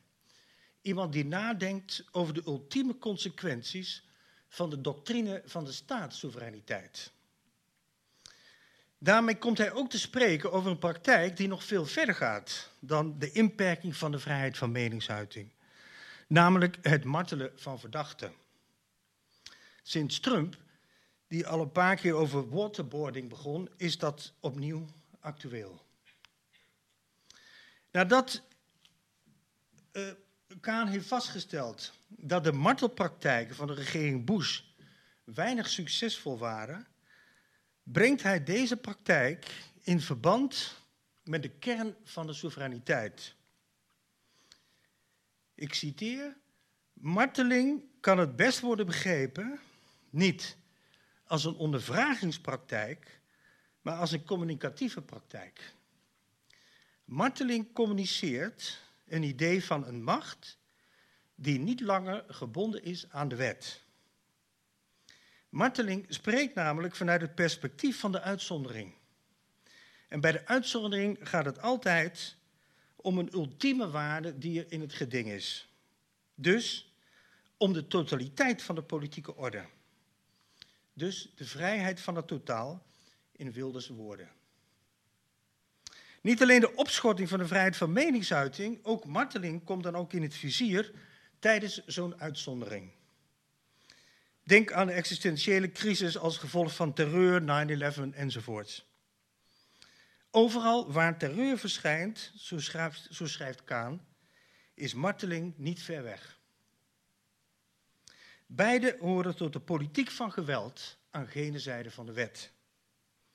Dus onze verontwaardiging over de onthoofdingen van IS is vanuit dit gezichtspunt nogal hypocriet. Zij tonen enkel een spiegel. De spiegel van de soevereiniteit waarmee, waarmee wij ook onze manier van leven verdedigen. De vrijheid van meningsuiting heeft in zo'n staat uiteindelijk een voorwaardelijke status. Dank u wel.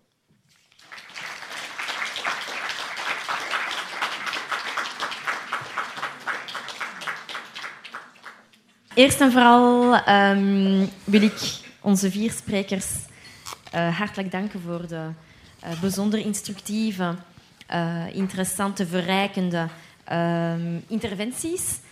Um, ik heb alleszins heel veel bijgeleerd. Ik meen ook bepaalde tegenstellingen of, of, of alleszins uh, verschillende meningen juist te hebben kunnen ontwaren tussen de verschillende sprekers. Um, ik zou misschien in eerste instantie willen vragen of jullie onder elkaar misschien willen reageren op elkaars interventies. Um, ik heb zelf natuurlijk een heleboel vragen, maar die zijn voor achteraf. Misschien eerst uh, eens polsen wat hoe jullie tegenover elkaars uh, interventies uh, staan met betrekking tot, ja, tot wat, wat vrijheid is. en waarbij ik mijzelf dan de vraag stel, zijn, zijn wij werkelijk vrij? Zijn wij vrij? Zijn wij vrije burgers?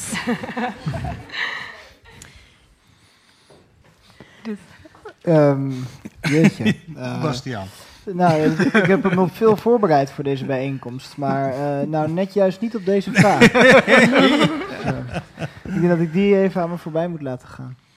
Goed, uh, misschien iets Misschien kun je hem iets concreter maken. Ja, tuurlijk. Uh, hoe, wat, wat, wat, wat zijn de voorwaarden voor vrijheid? Waar hangt vrijheid uh, van af?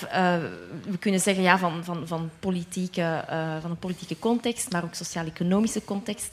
Is, misschien, is daar een hiërarchie? Kunnen we daar een hiërarchie ehm, in ontwaren? Is bijvoorbeeld de sociaal-economische context ehm, belangrijker dan, dan, dan, dan een politieke context of, of, of, of een, uh, of een weet ik veel, religieuze context. Kunnen we daar, zien, zien jullie daar, ja, daar een hmm. hiërarchie in? Nou, laat Theo vooral, als je daar een aanknopingspunt ziet op reageren. Ja, in ieder geval ook een vraag aan mijn buurman. Oh, leuk. Uh, ja. concreet hoop ik. Ja, ja, Zullen we iets gaan drinken? Nou, ja. Uh, was leuk, Koen. Aan mijn buurman, ja.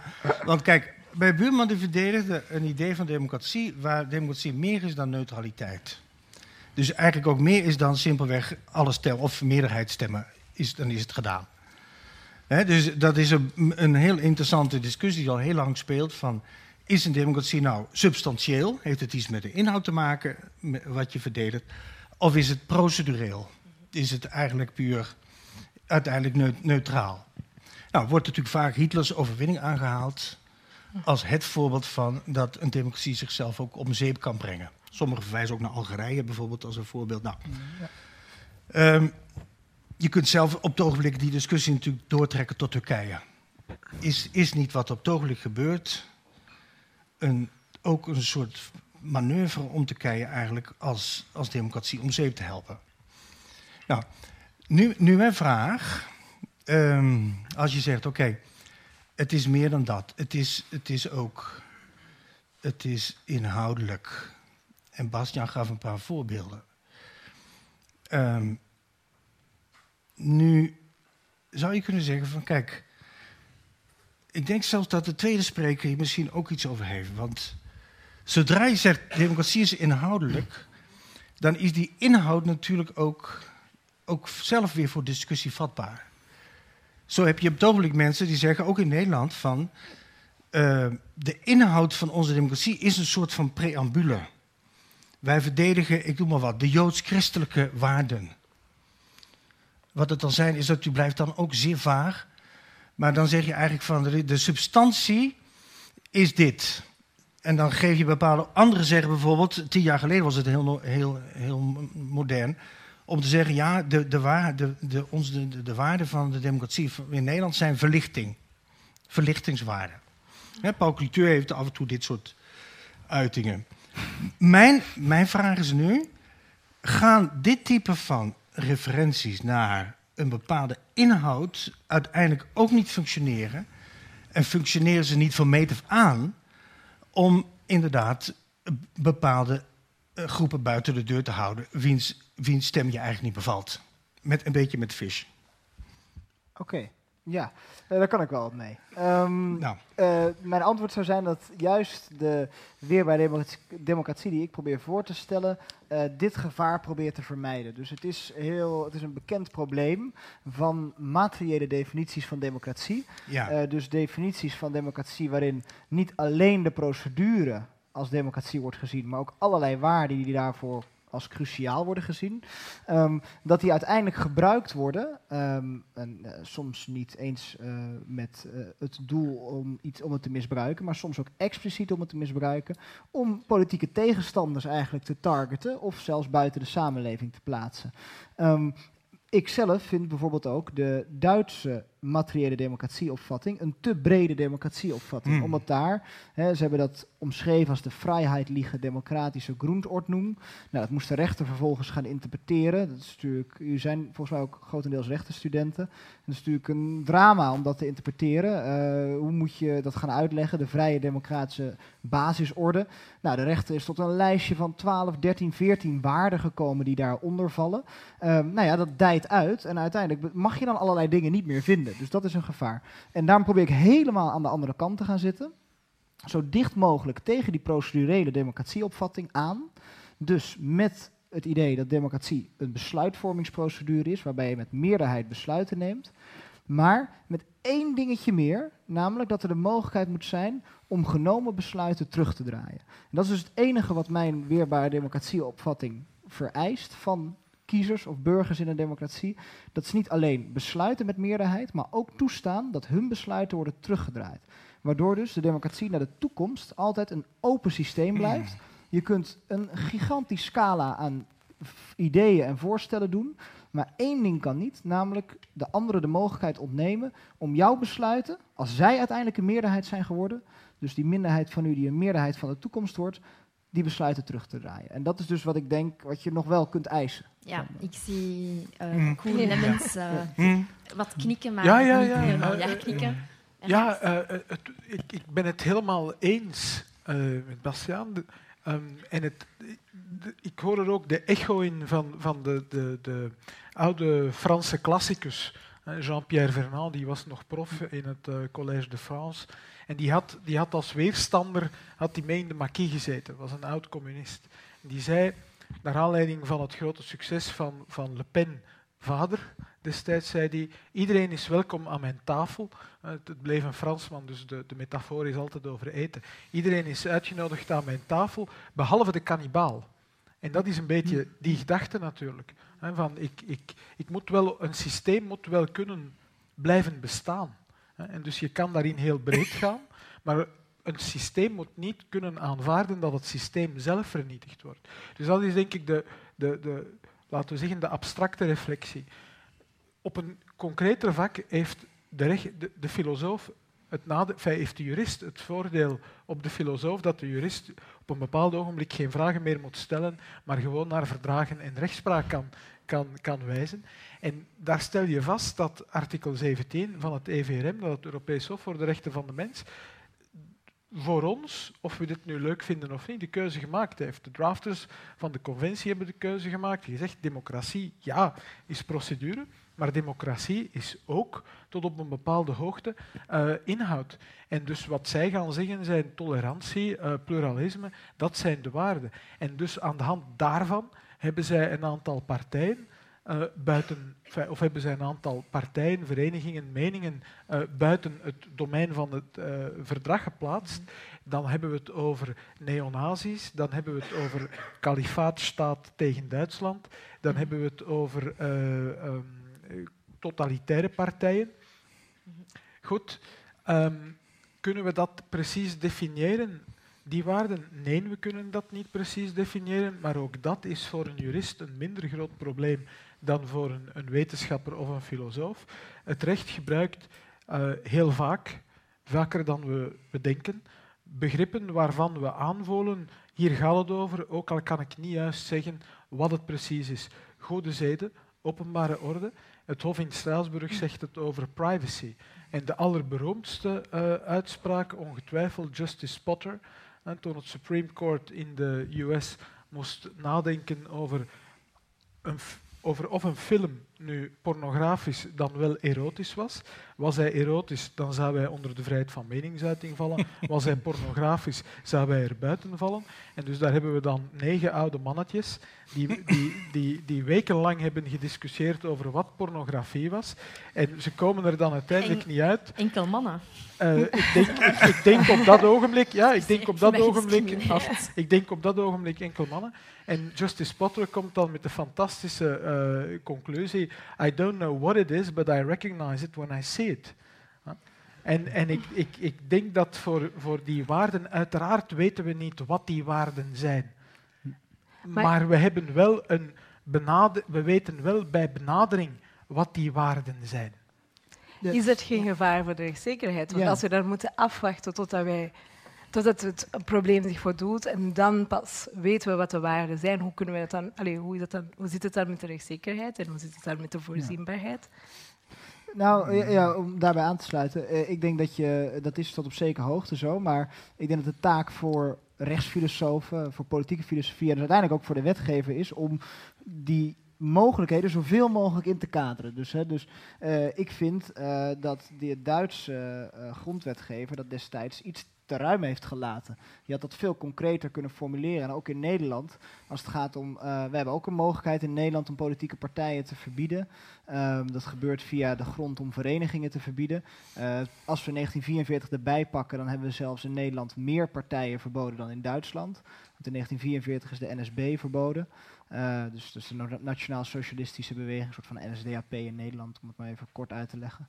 Ehm, en in de jaren 60 de Europese variant daarvan. En in 1998 de CP86. Er zijn al drie partijen die verboden zijn. En in Duitsland zijn er twee verboden na de Tweede Wereldoorlog.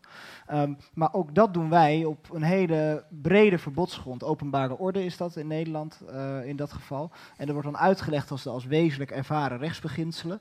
Maar dat is mij te breed. Het is ten eerste een beetje een materiële definitie van democratie. Maar er staat nergens wat dan exact die beginselen zijn. En ik vind dat daar de wetgever het laat liggen. Want de rechter die straks een serieuze verbodszaak moet besluiten. En die moet gaan. En het is een ontzettend politieke kwestie is dat. En die moet besluiten: is dit een antidemocratische partij of niet? Ja, die komt er natuurlijk niet mee weg dat hij zegt: eh, I see it when it is eh, before me. eh, om even te parafraseren. Dus, dus ja, dus eh, de wetgever moet aan het werk. De rechter kan er overigens niks aan doen, hè? die verwijt ik niks. Maar de wetgever moet het doen. Ja. Maar hebben we, dat is, waar, hè? dat is waar. Maar hebben we aan de andere kant indicaties waarbij je zou zeggen, rechters hebben een manifeste verkeerde beslissing genomen. Daarmee bedoel ik niet degenen die zeggen, ik ben sowieso tegen het verbieden van partijen, want die gaan elke beslissing sowieso verkeerd vinden. Maar laten we zeggen, mensen die aanvaarden dat antidemocratische partijen kunnen verboden worden, die dat beginsel aanvaarden, hebben die indicaties om te zeggen, er zijn partijen verboden waarvan we eigenlijk denken dat ze niet verboden hadden moeten zijn. Ja, nou kijk, je ziet dat zeker in prille democratieën gebeuren. Dus democratieën waar wordt zo'n verbodsgrond, wordt weerbare democratie dus gebruikt om politieke tegenstanders te breidelen. Ehm, maar binnen Europa zou je kunnen zeggen dat het vaak goed gaat. Hè? Dus in Duitsland bijvoorbeeld, wat nou precies de argumentatie is, de twee partijen die daar verboden zijn, dat is zeg maar de opvolger van de nazi-partij, eh, is verboden in 1952. En in 1956 de communistische partij in Duitsland. Eh, nou, over die laatste wordt nog wel een beetje gediscussieerd, maar daar zijn mensen wel over eens. Dat zijn partijen die je had kunnen verbieden. Nog los van precies de grond. Maar ehm, ik denk dat je ook moet zeggen dat voor de acceptatie van dat soort uitspraken het heel belangrijk is dat die argumentatie zo strak mogelijk is en dat zo helder mogelijk is dat het niet de persoonlijke politieke voorkeur van de rechter is. Ook al vinden we in brede zin dat het wel een partij is die verboden had kunnen worden. Dus ook uit dat opzicht denk ik. Hè, want de rechter heeft niks anders dan zijn argumentatiekracht. Is het heel belangrijk om die rechter zo'n strak mogelijk interpretatieraam of kader te geven.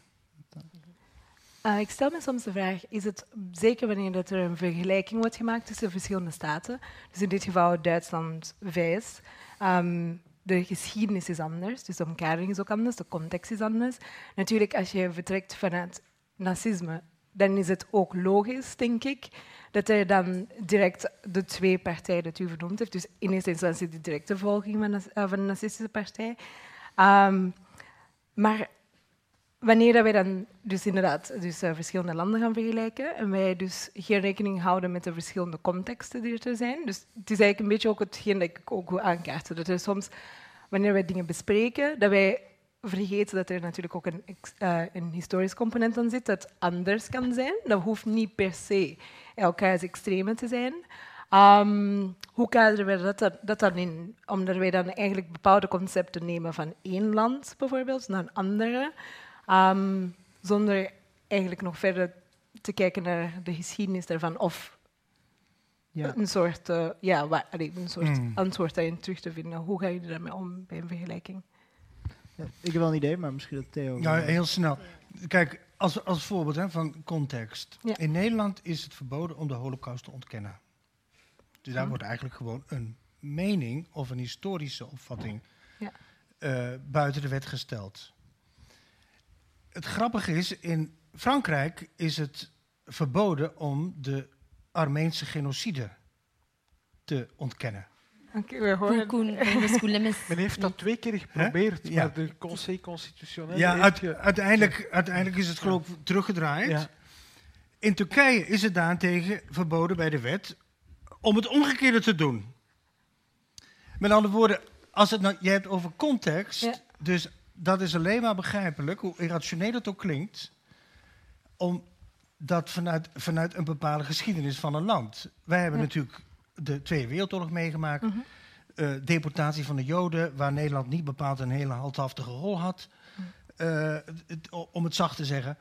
Eh, dus wij hebben een schuldgevoel. Ik zeg het even heel blunt. Mhm. Dus daarom, daarom zijn we heel voorzichtig met antisemitisme in het algemeen en met het, het ontkennen van de holocaust, negationisme genoemd in, in het bijzonder. Ik zou zeggen dat de waarheid over de holocaust is voor historici, niet voor de politiek en niet voor de rechter. Het, hetzelfde geldt voor de waarheid over Armenië en welke waarheid dan ook. Want el- zo heeft elke staat wel een of ander trauma die ze via de wet kan, kan vastleggen of kan verbieden of kan promoten enzovoorts. Ja. Kom er niet verder mee, denk ik. U wou Ja, ik, ik, voel wel veel voor, ik voel wel veel voor die benadering.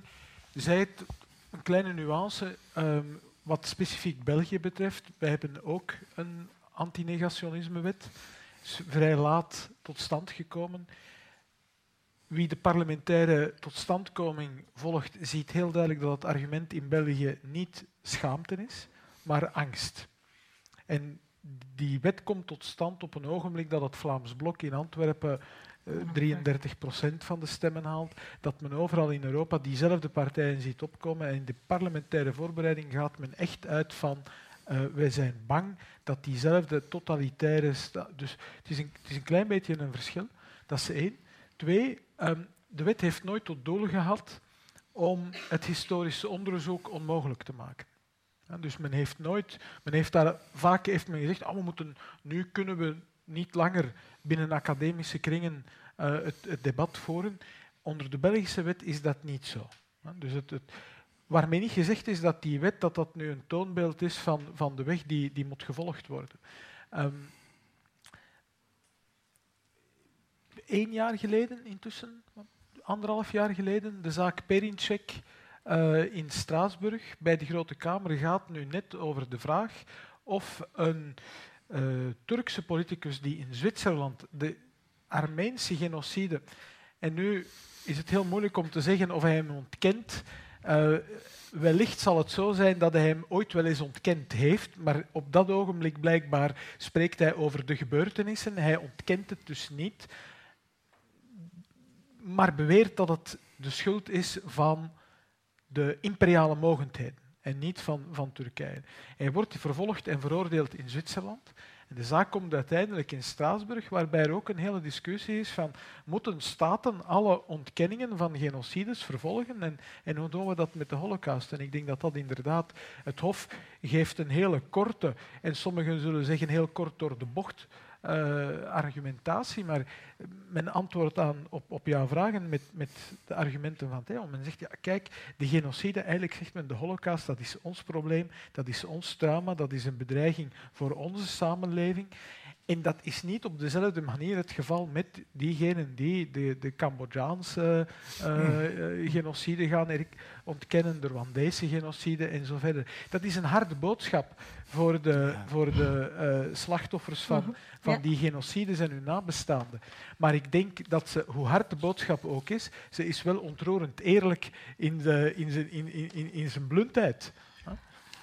Ja, hoewel dat ik dan graag dan ineens daarbij zou willen allee, opmerken dat de Rwandezen bijvoorbeeld, want u had ook de Rwandese eh, genocide, dat hoort wel tot eh, een gedeelte van onze geschiedenis ook. Hoewel, Uiteraard. hoe, hoe, dat je, uit- hoe dat wij het ook draaien of keren, denk ik dat we dat ook niet kunnen ja, ontkennen. maar niet, dat is geen pan-Europese geschiedenis. Dat is een geschiedenis voor België en Frankrijk. Ehm, maar ik denk, ga naar Oostenrijk, ga naar Duitsland en spreek over Rwanda. Dat, dat is iets anders dan, dan hier over Rwanda spreken. En bovendien gaat men zeggen, en dat is het, het, het kernpunt van het verhaal, dat is dat Mhm. men gaat zeggen, diegenen die ehm, eh, de Rwandese genocide zouden willen ontkennen, of die daar eventueel dingen willen over zeggen, vormen geen bedreiging van de democratische instellingen in Europa. En dat is dus het, het, het hoofdpunt. Ik merk Mhm. overigens op dat de Rwandese eh, grondwet zelf een, eh, een, een, een moratorium oplegt over Mhm. de, de, de gebeurtenissen. Mhm. In de zin van, van ja, daarover schrijven en spreken is een, is een taboe-onderwerp geworden onder de, onder, de, onder de grondwet, meen ik mij te herinneren. Oké, ehm, ik denk dat het tijd is voor, ehm, om, om het debat open te trekken naar het publiek ook. Ehm, hebben, zijn er vragen? En nogmaals, ik zou willen eh, erop eh, insisteren dat Ja. jullie de vragen zo kort eh, mogelijk formuleren, zo concreet mogelijk. En ehm, dus ook eventueel aangeven aan wie jullie de vraag zouden willen richten. Dus het gaat er niet om, om dat jullie een extensieve uitleg eh, eerst eh, geven over eh, jullie standpunt, et cetera. Maar dus ja, kort en bondig. En ik zal zelf ook kort en bondig zijn bij deze. Zijn er, zijn vragen? Ik heb een vraag. Die meneer, die, yes. Voor yes. Bastiaan Rijpkema. Ik wil, ehm, het gaat over Pim Fortuyn. Theo van Gogh is genoemd. Ik wil nu weten, was het democratisch om Pim Fortuyn te vermoorden? Eh, Nee, natuurlijk niet. Nee. Kunt u daar iets meer over praten? over eh, als we praten over een rekbare democratie. Hè? Nederland, ik ben Surinaamse. Ja, Dus ik weet precies hoe dat spel gespeeld wordt in Nederland. Een rekbare democratie, de, de staat, die heeft Pim Fortuyn gedemoniseerd als zijn, hij zou een gevaar zijn voor minderheden in Nederland. Ja? En de overheid, de staat heeft het klimaat gecreëerd voor de moord. Dus ik wil dat jullie, omdat jullie uit Nederland komen, wil ik graag dat jullie daar iets over zeggen. ja zeker. Dus 15 jaar geleden, dit jaar 6 mei. Ja, ehm, kijk, mijn, kijk, voor mij is het zo evident dat het vermoorden van een politicus niet eh, hoort bij hoe je een democratie zou moeten verdedigen. Dus vandaar mijn, mijn korte antwoord, nee, natuurlijk niet. Maar dat wil ik best wat uitgebreider vertellen. Ehm, kijk, ik denk dat je eh, sowieso geweld eh, op die manier eh, toepassen is geen verdediging van de democratie. Dus ook ingrijpen van het leger bijvoorbeeld, wat je ook soms ziet dat dat uitgelegd wordt als methode om de democratie te beschermen. Er zijn zelfs mensen die zeggen, nou ja, soms, hè, bijvoorbeeld ook de hè, in Turkije, ehm, dat is soms een manier om de democratie te beschermen. Dat zou ik nooit als voorbeeld van weerbare democratie willen zien. Wat is een weerbare democratie? Dat is een democratie die de grenzen van het democratische speelveld heel ruim trekt. Dus Pim Fortuyn, Theo van Gogh, die zitten allemaal ruim binnen die grenzen van het democratische speelveld.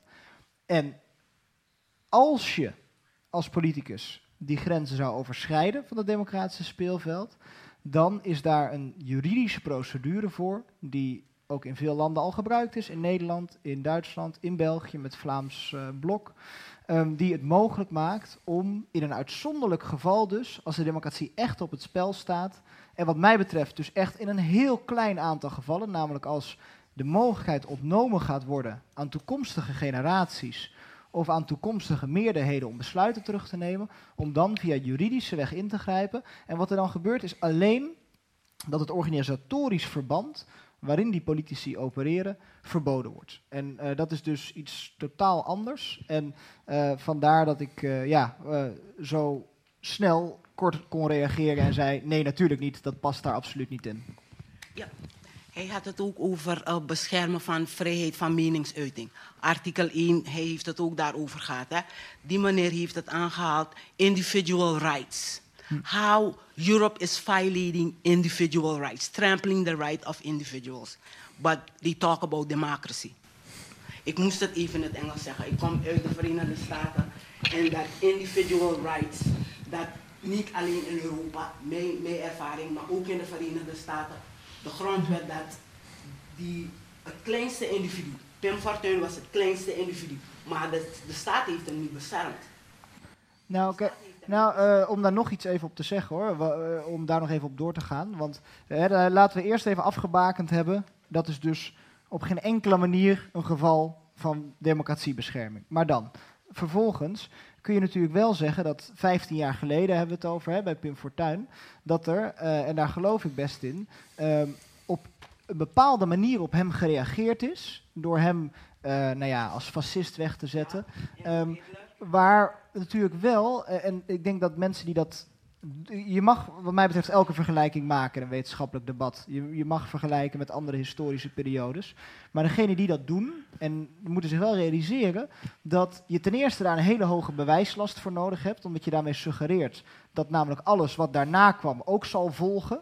Ehm, en omdat het dus, denk ik, tot op zekere hoogte ook echt gevaarlijk is. Omdat je iemand bestempelt als iets wat in ieder geval in onze gedeelde geschiedenis als het ultieme kwaad wordt gezien. En eh, daarom denk ik dat je dus in een publiek debat daarmee moet oppassen. Dus eh, als u dat bedoelt, eh, denk ik dat dat een goed punt is. Ja. Ja. Hartelijk dank eh, voor uw vraag. Zijn er nog vragen in het publiek? Jullie hebben gezegd inderdaad dat de, dat de democratie dat het best denkbare systeem is, ehm, ondanks de systeemfout dat daarin zit. Ehm, maar is er dan, als je kijkt naar Europa, er zijn heel wat democratieën die een beetje in crisis zijn, Europa zelf ook. Ehm, is de democratie, is mijn vraag dan, wel op de best mogelijke manier georganiseerd momenteel? En ik richt Ja. mij in, ehm, naar jullie drie eigenlijk. Ja, zeer fundamentele vraag, denk ik. En een vraag die, denk ik, vele mensen zich stellen, vooral misschien de jongeren, eh, de studenten hier. Ehm, een moeilijke vraag. Ja, ehm, Ja. Oh, ja, ehm, ik denk, ik wil er, kan al iets over zeggen. Ehm, kijk, ik denk dat. Ja, je moet dan denk ik altijd heel goed kijken naar de alternatieven die voorgesteld worden. Ehm, dus ik ben in die zin altijd een beetje sceptisch. Ik denk dat wij een heel stevig en betrouwbaar systeem hebben met een vertegenwoordigende democratie.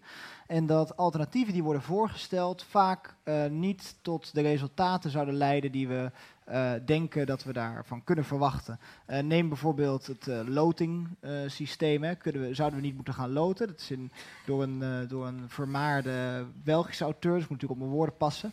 Dus ik ga meteen even met toonmatigen. Maar ehm, eh, de, dat voorstel, ja, dat, dat, daar spreekt iets uit van, nou dan zou het beter functioneren. Dan zouden we ook bijvoorbeeld representatiever zijn, beter misschien dan het parlement.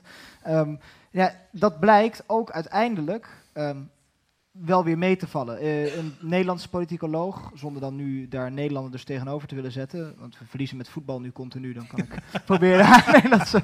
eh, ik heb een trauma na vorige week. Ehm, maar jullie hebben ook gelijk gespeeld. Maar, eh, Twee keer. twee keer, twee keer.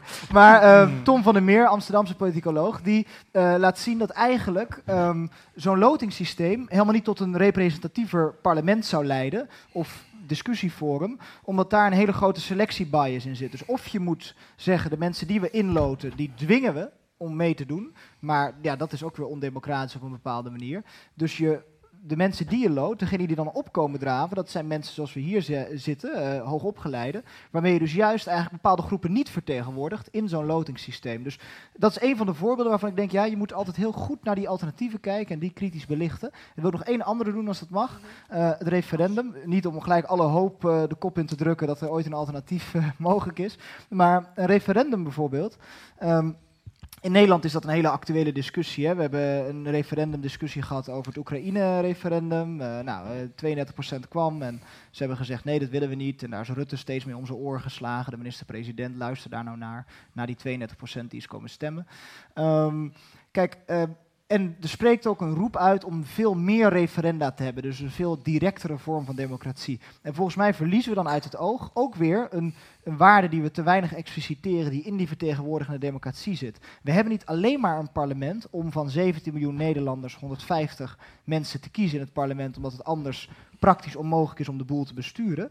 Maar we hebben dat ook omdat zo'n vertegenwoordigende democratie het mogelijk maakt dat je nu een besluit neemt dat voor de langere termijn nodig is, eh, een impopulair besluit, waarvan dus die leider op dat moment kan zeggen, ik neem dit besluit nu, vertrouw me, maar en eh, hoop inderdaad met mij dat over vier jaar de resultaten te zien zijn. En als dat niet zo is, kun je me over vier jaar bij de volgende verkiezingen daarop afrekenen. Dus de vertegenwoordigende democratie, in tegenstelling tot de directe democratie, maakt eigenlijk leiderschap mogelijk.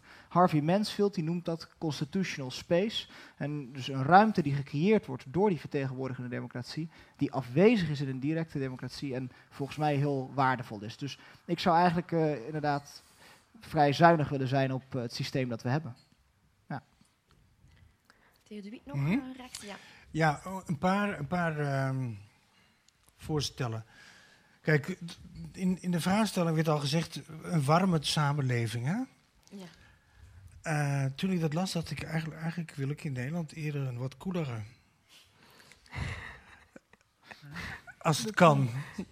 Want nu hebben wij incident op incident uh, een soort hyper-circus, dikwijls. Overigens zijn de items van vorige week alweer vergeten. We hebben net Turkije gehad, dat was een enorme rel bij ons. De betrekkingen met Turkije zijn behoorlijk uh, verkoeld. nou, dus ik, wat ik zou willen eigenlijk is meer een soort van verlangzaming van onze democratische cultuur.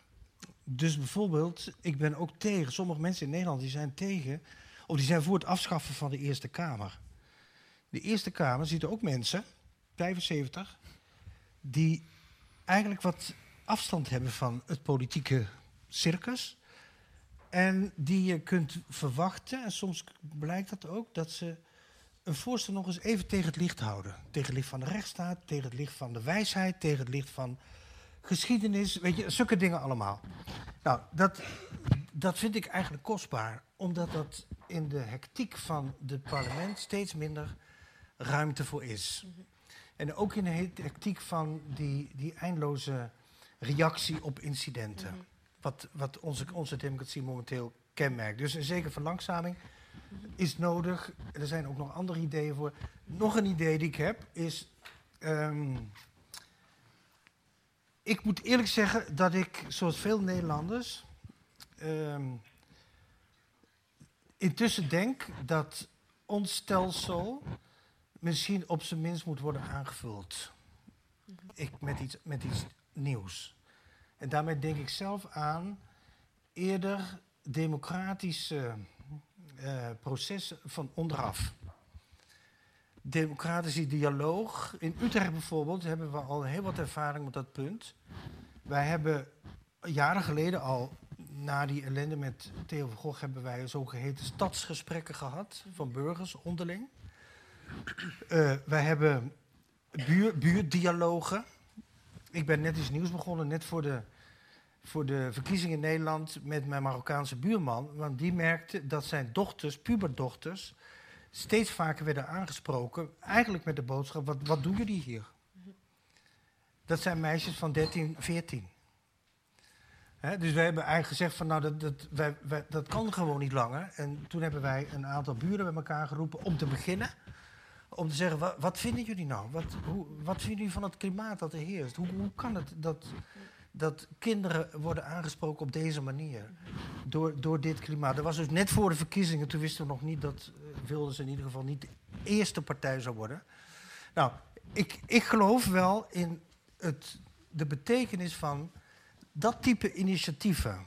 Omdat je dan ook een beetje het gevoel hebt dat je ook enigszins de boel in eigen hand neemt. Mhm. En niet alleen afhankelijk bent van allerlei processen waar veel mensen toch het gevoel hebben: ik heb er geen greep op wat daar in Den Haag gebeurt, of wat er in Turkije gebeurt, of wat nou, noem maar op. Maar is, dus dat, dan, is dat dan geen. Ver, ik, ik, ik, ik, vind dit, ik vind dit prachtig, hè? Hoewel het voorbehoud van Bastiaan, denk ik, nog altijd geldig blijft van je start daarmee en wordt dat dan op de deuren niet uh, de plaats waar dan toch weer een, een heel sterke selectie is, waar, waarbij je altijd dezelfde mensen terugziet met dezelfde uh, profielen. maar mijn andere vraag is, is dat niet een, dat is, dat is, een aanvulling, zei u, maar dat lijkt mij een civil society te zijn die fundamenteel is voor, voor, voor, een, voor een warme en een werkende democratie. Maar de, mij lijkt het te zijn dat dat dus iets is waar de instellingen zich niet moeten mee bemoeien. Van zodra dat je de instellingen daarbij betrekt, hè, wordt, het, het, wordt het samenlevingsaspect, wordt de civil society ingekapseld in de instellingen en wordt het ook weer een deel van het establishment. Is het niet net noodzakelijk om in die ruimte dat te laten als een civil society? En, en ik zou eerder durven zeggen, geweldig voortoon. Um, laat, de, laat, een overheid dat eventueel sponsoren, hè, de, de, de, de, straatfeesten, de, de, de wijkbarbecues en zo verder. Maar laat het alsjeblieft niet iets worden waar, waar het recht uh, zijn greep gaat opleggen. Want, want niks Daar de dodelijk, vrijheid laten eigenlijk. niks De dodelijker is voor de, war, voor de levende, voor voor de Mhm. levende democratie Mhm. dan een, dan Nee, een verambtelijking Ja. van, van het product. Mhm. Ja, dus met, dan toch, Ja. eh Theo de Witt, een warme misschien geen heet geblakerde samenleving, maar desalniettemin een warme samenleving. Ja, want kijk, Zoiets. kijk we hebben in Nederland heel, veel- heel veel mensen, politici met name, praten over veiligheid. Ja. Dat, dat is zo- zo'n item al een heel wat jaren. Terwijl Nederland een van de veiligste samenlevingen ter wereld is. En met de laagste criminaliteitscijfers ter wereld. Ja. De laatste tijd nog veel beter geworden. We hebben bijna geen mensen meer in de gevangenis. Deze is Huren ze ongelooflijk. ook, hè? Ik geloof nog maar 8000.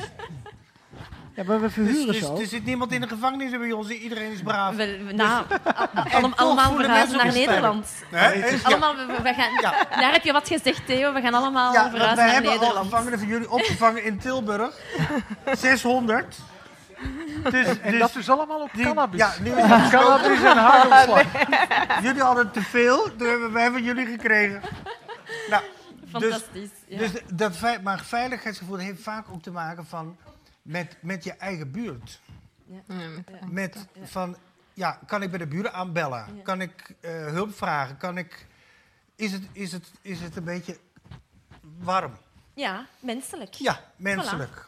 Dat, Goed. dat- ja. Prachtig. Nou, eh, Proost. hij heeft nog niet geantwoord. Nee, jawel, ja, jawel hoor. Ja, ja, ja. Ja, het is voldoende. Kunnen, eh, heb je de, je, je, je vrije meningsuiting kunnen laten botvieren vanavond? Goed. Ja. ehm, Ja. Heel hartelijk dank voor, eh, voor de vragen, voor de interventies. Ehm alvorens jullie, jullie storten op eh, de, de, de drank eh, die hier uh, rijkelijk zal vloeien, zou ik nog heel, heel, heel snel eh, twee mensen heel hartelijk willen dan- danken voor de organisatie. Dat is eh, Jenny eh, Kermia van de Buren, eh, die instond voor de praktische organisatie. Zij staat daar van achter. Jullie... Voilà. Zij schenkt ondertussen jullie drankjes in. En vervolgens zou ik ook heel, heel, heel warm eh, een dankwoord aan Maarten Collet willen richten. Ja.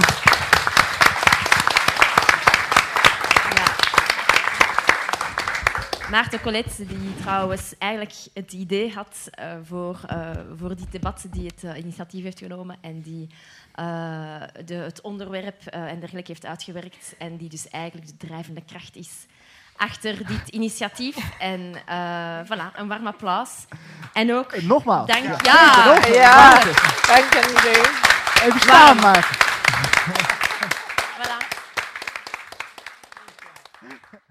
Je luisterde naar een podcast van De Buren, het Vlaams-Nederlands Huis voor Cultuur en Debat. Benieuwd naar ons literaire aanbod? Luister dan ook naar radioboeken, citybooks en andere audioverhalen. Ontdek ons podiumprogramma en al onze digitale producties op www.deburen.eu.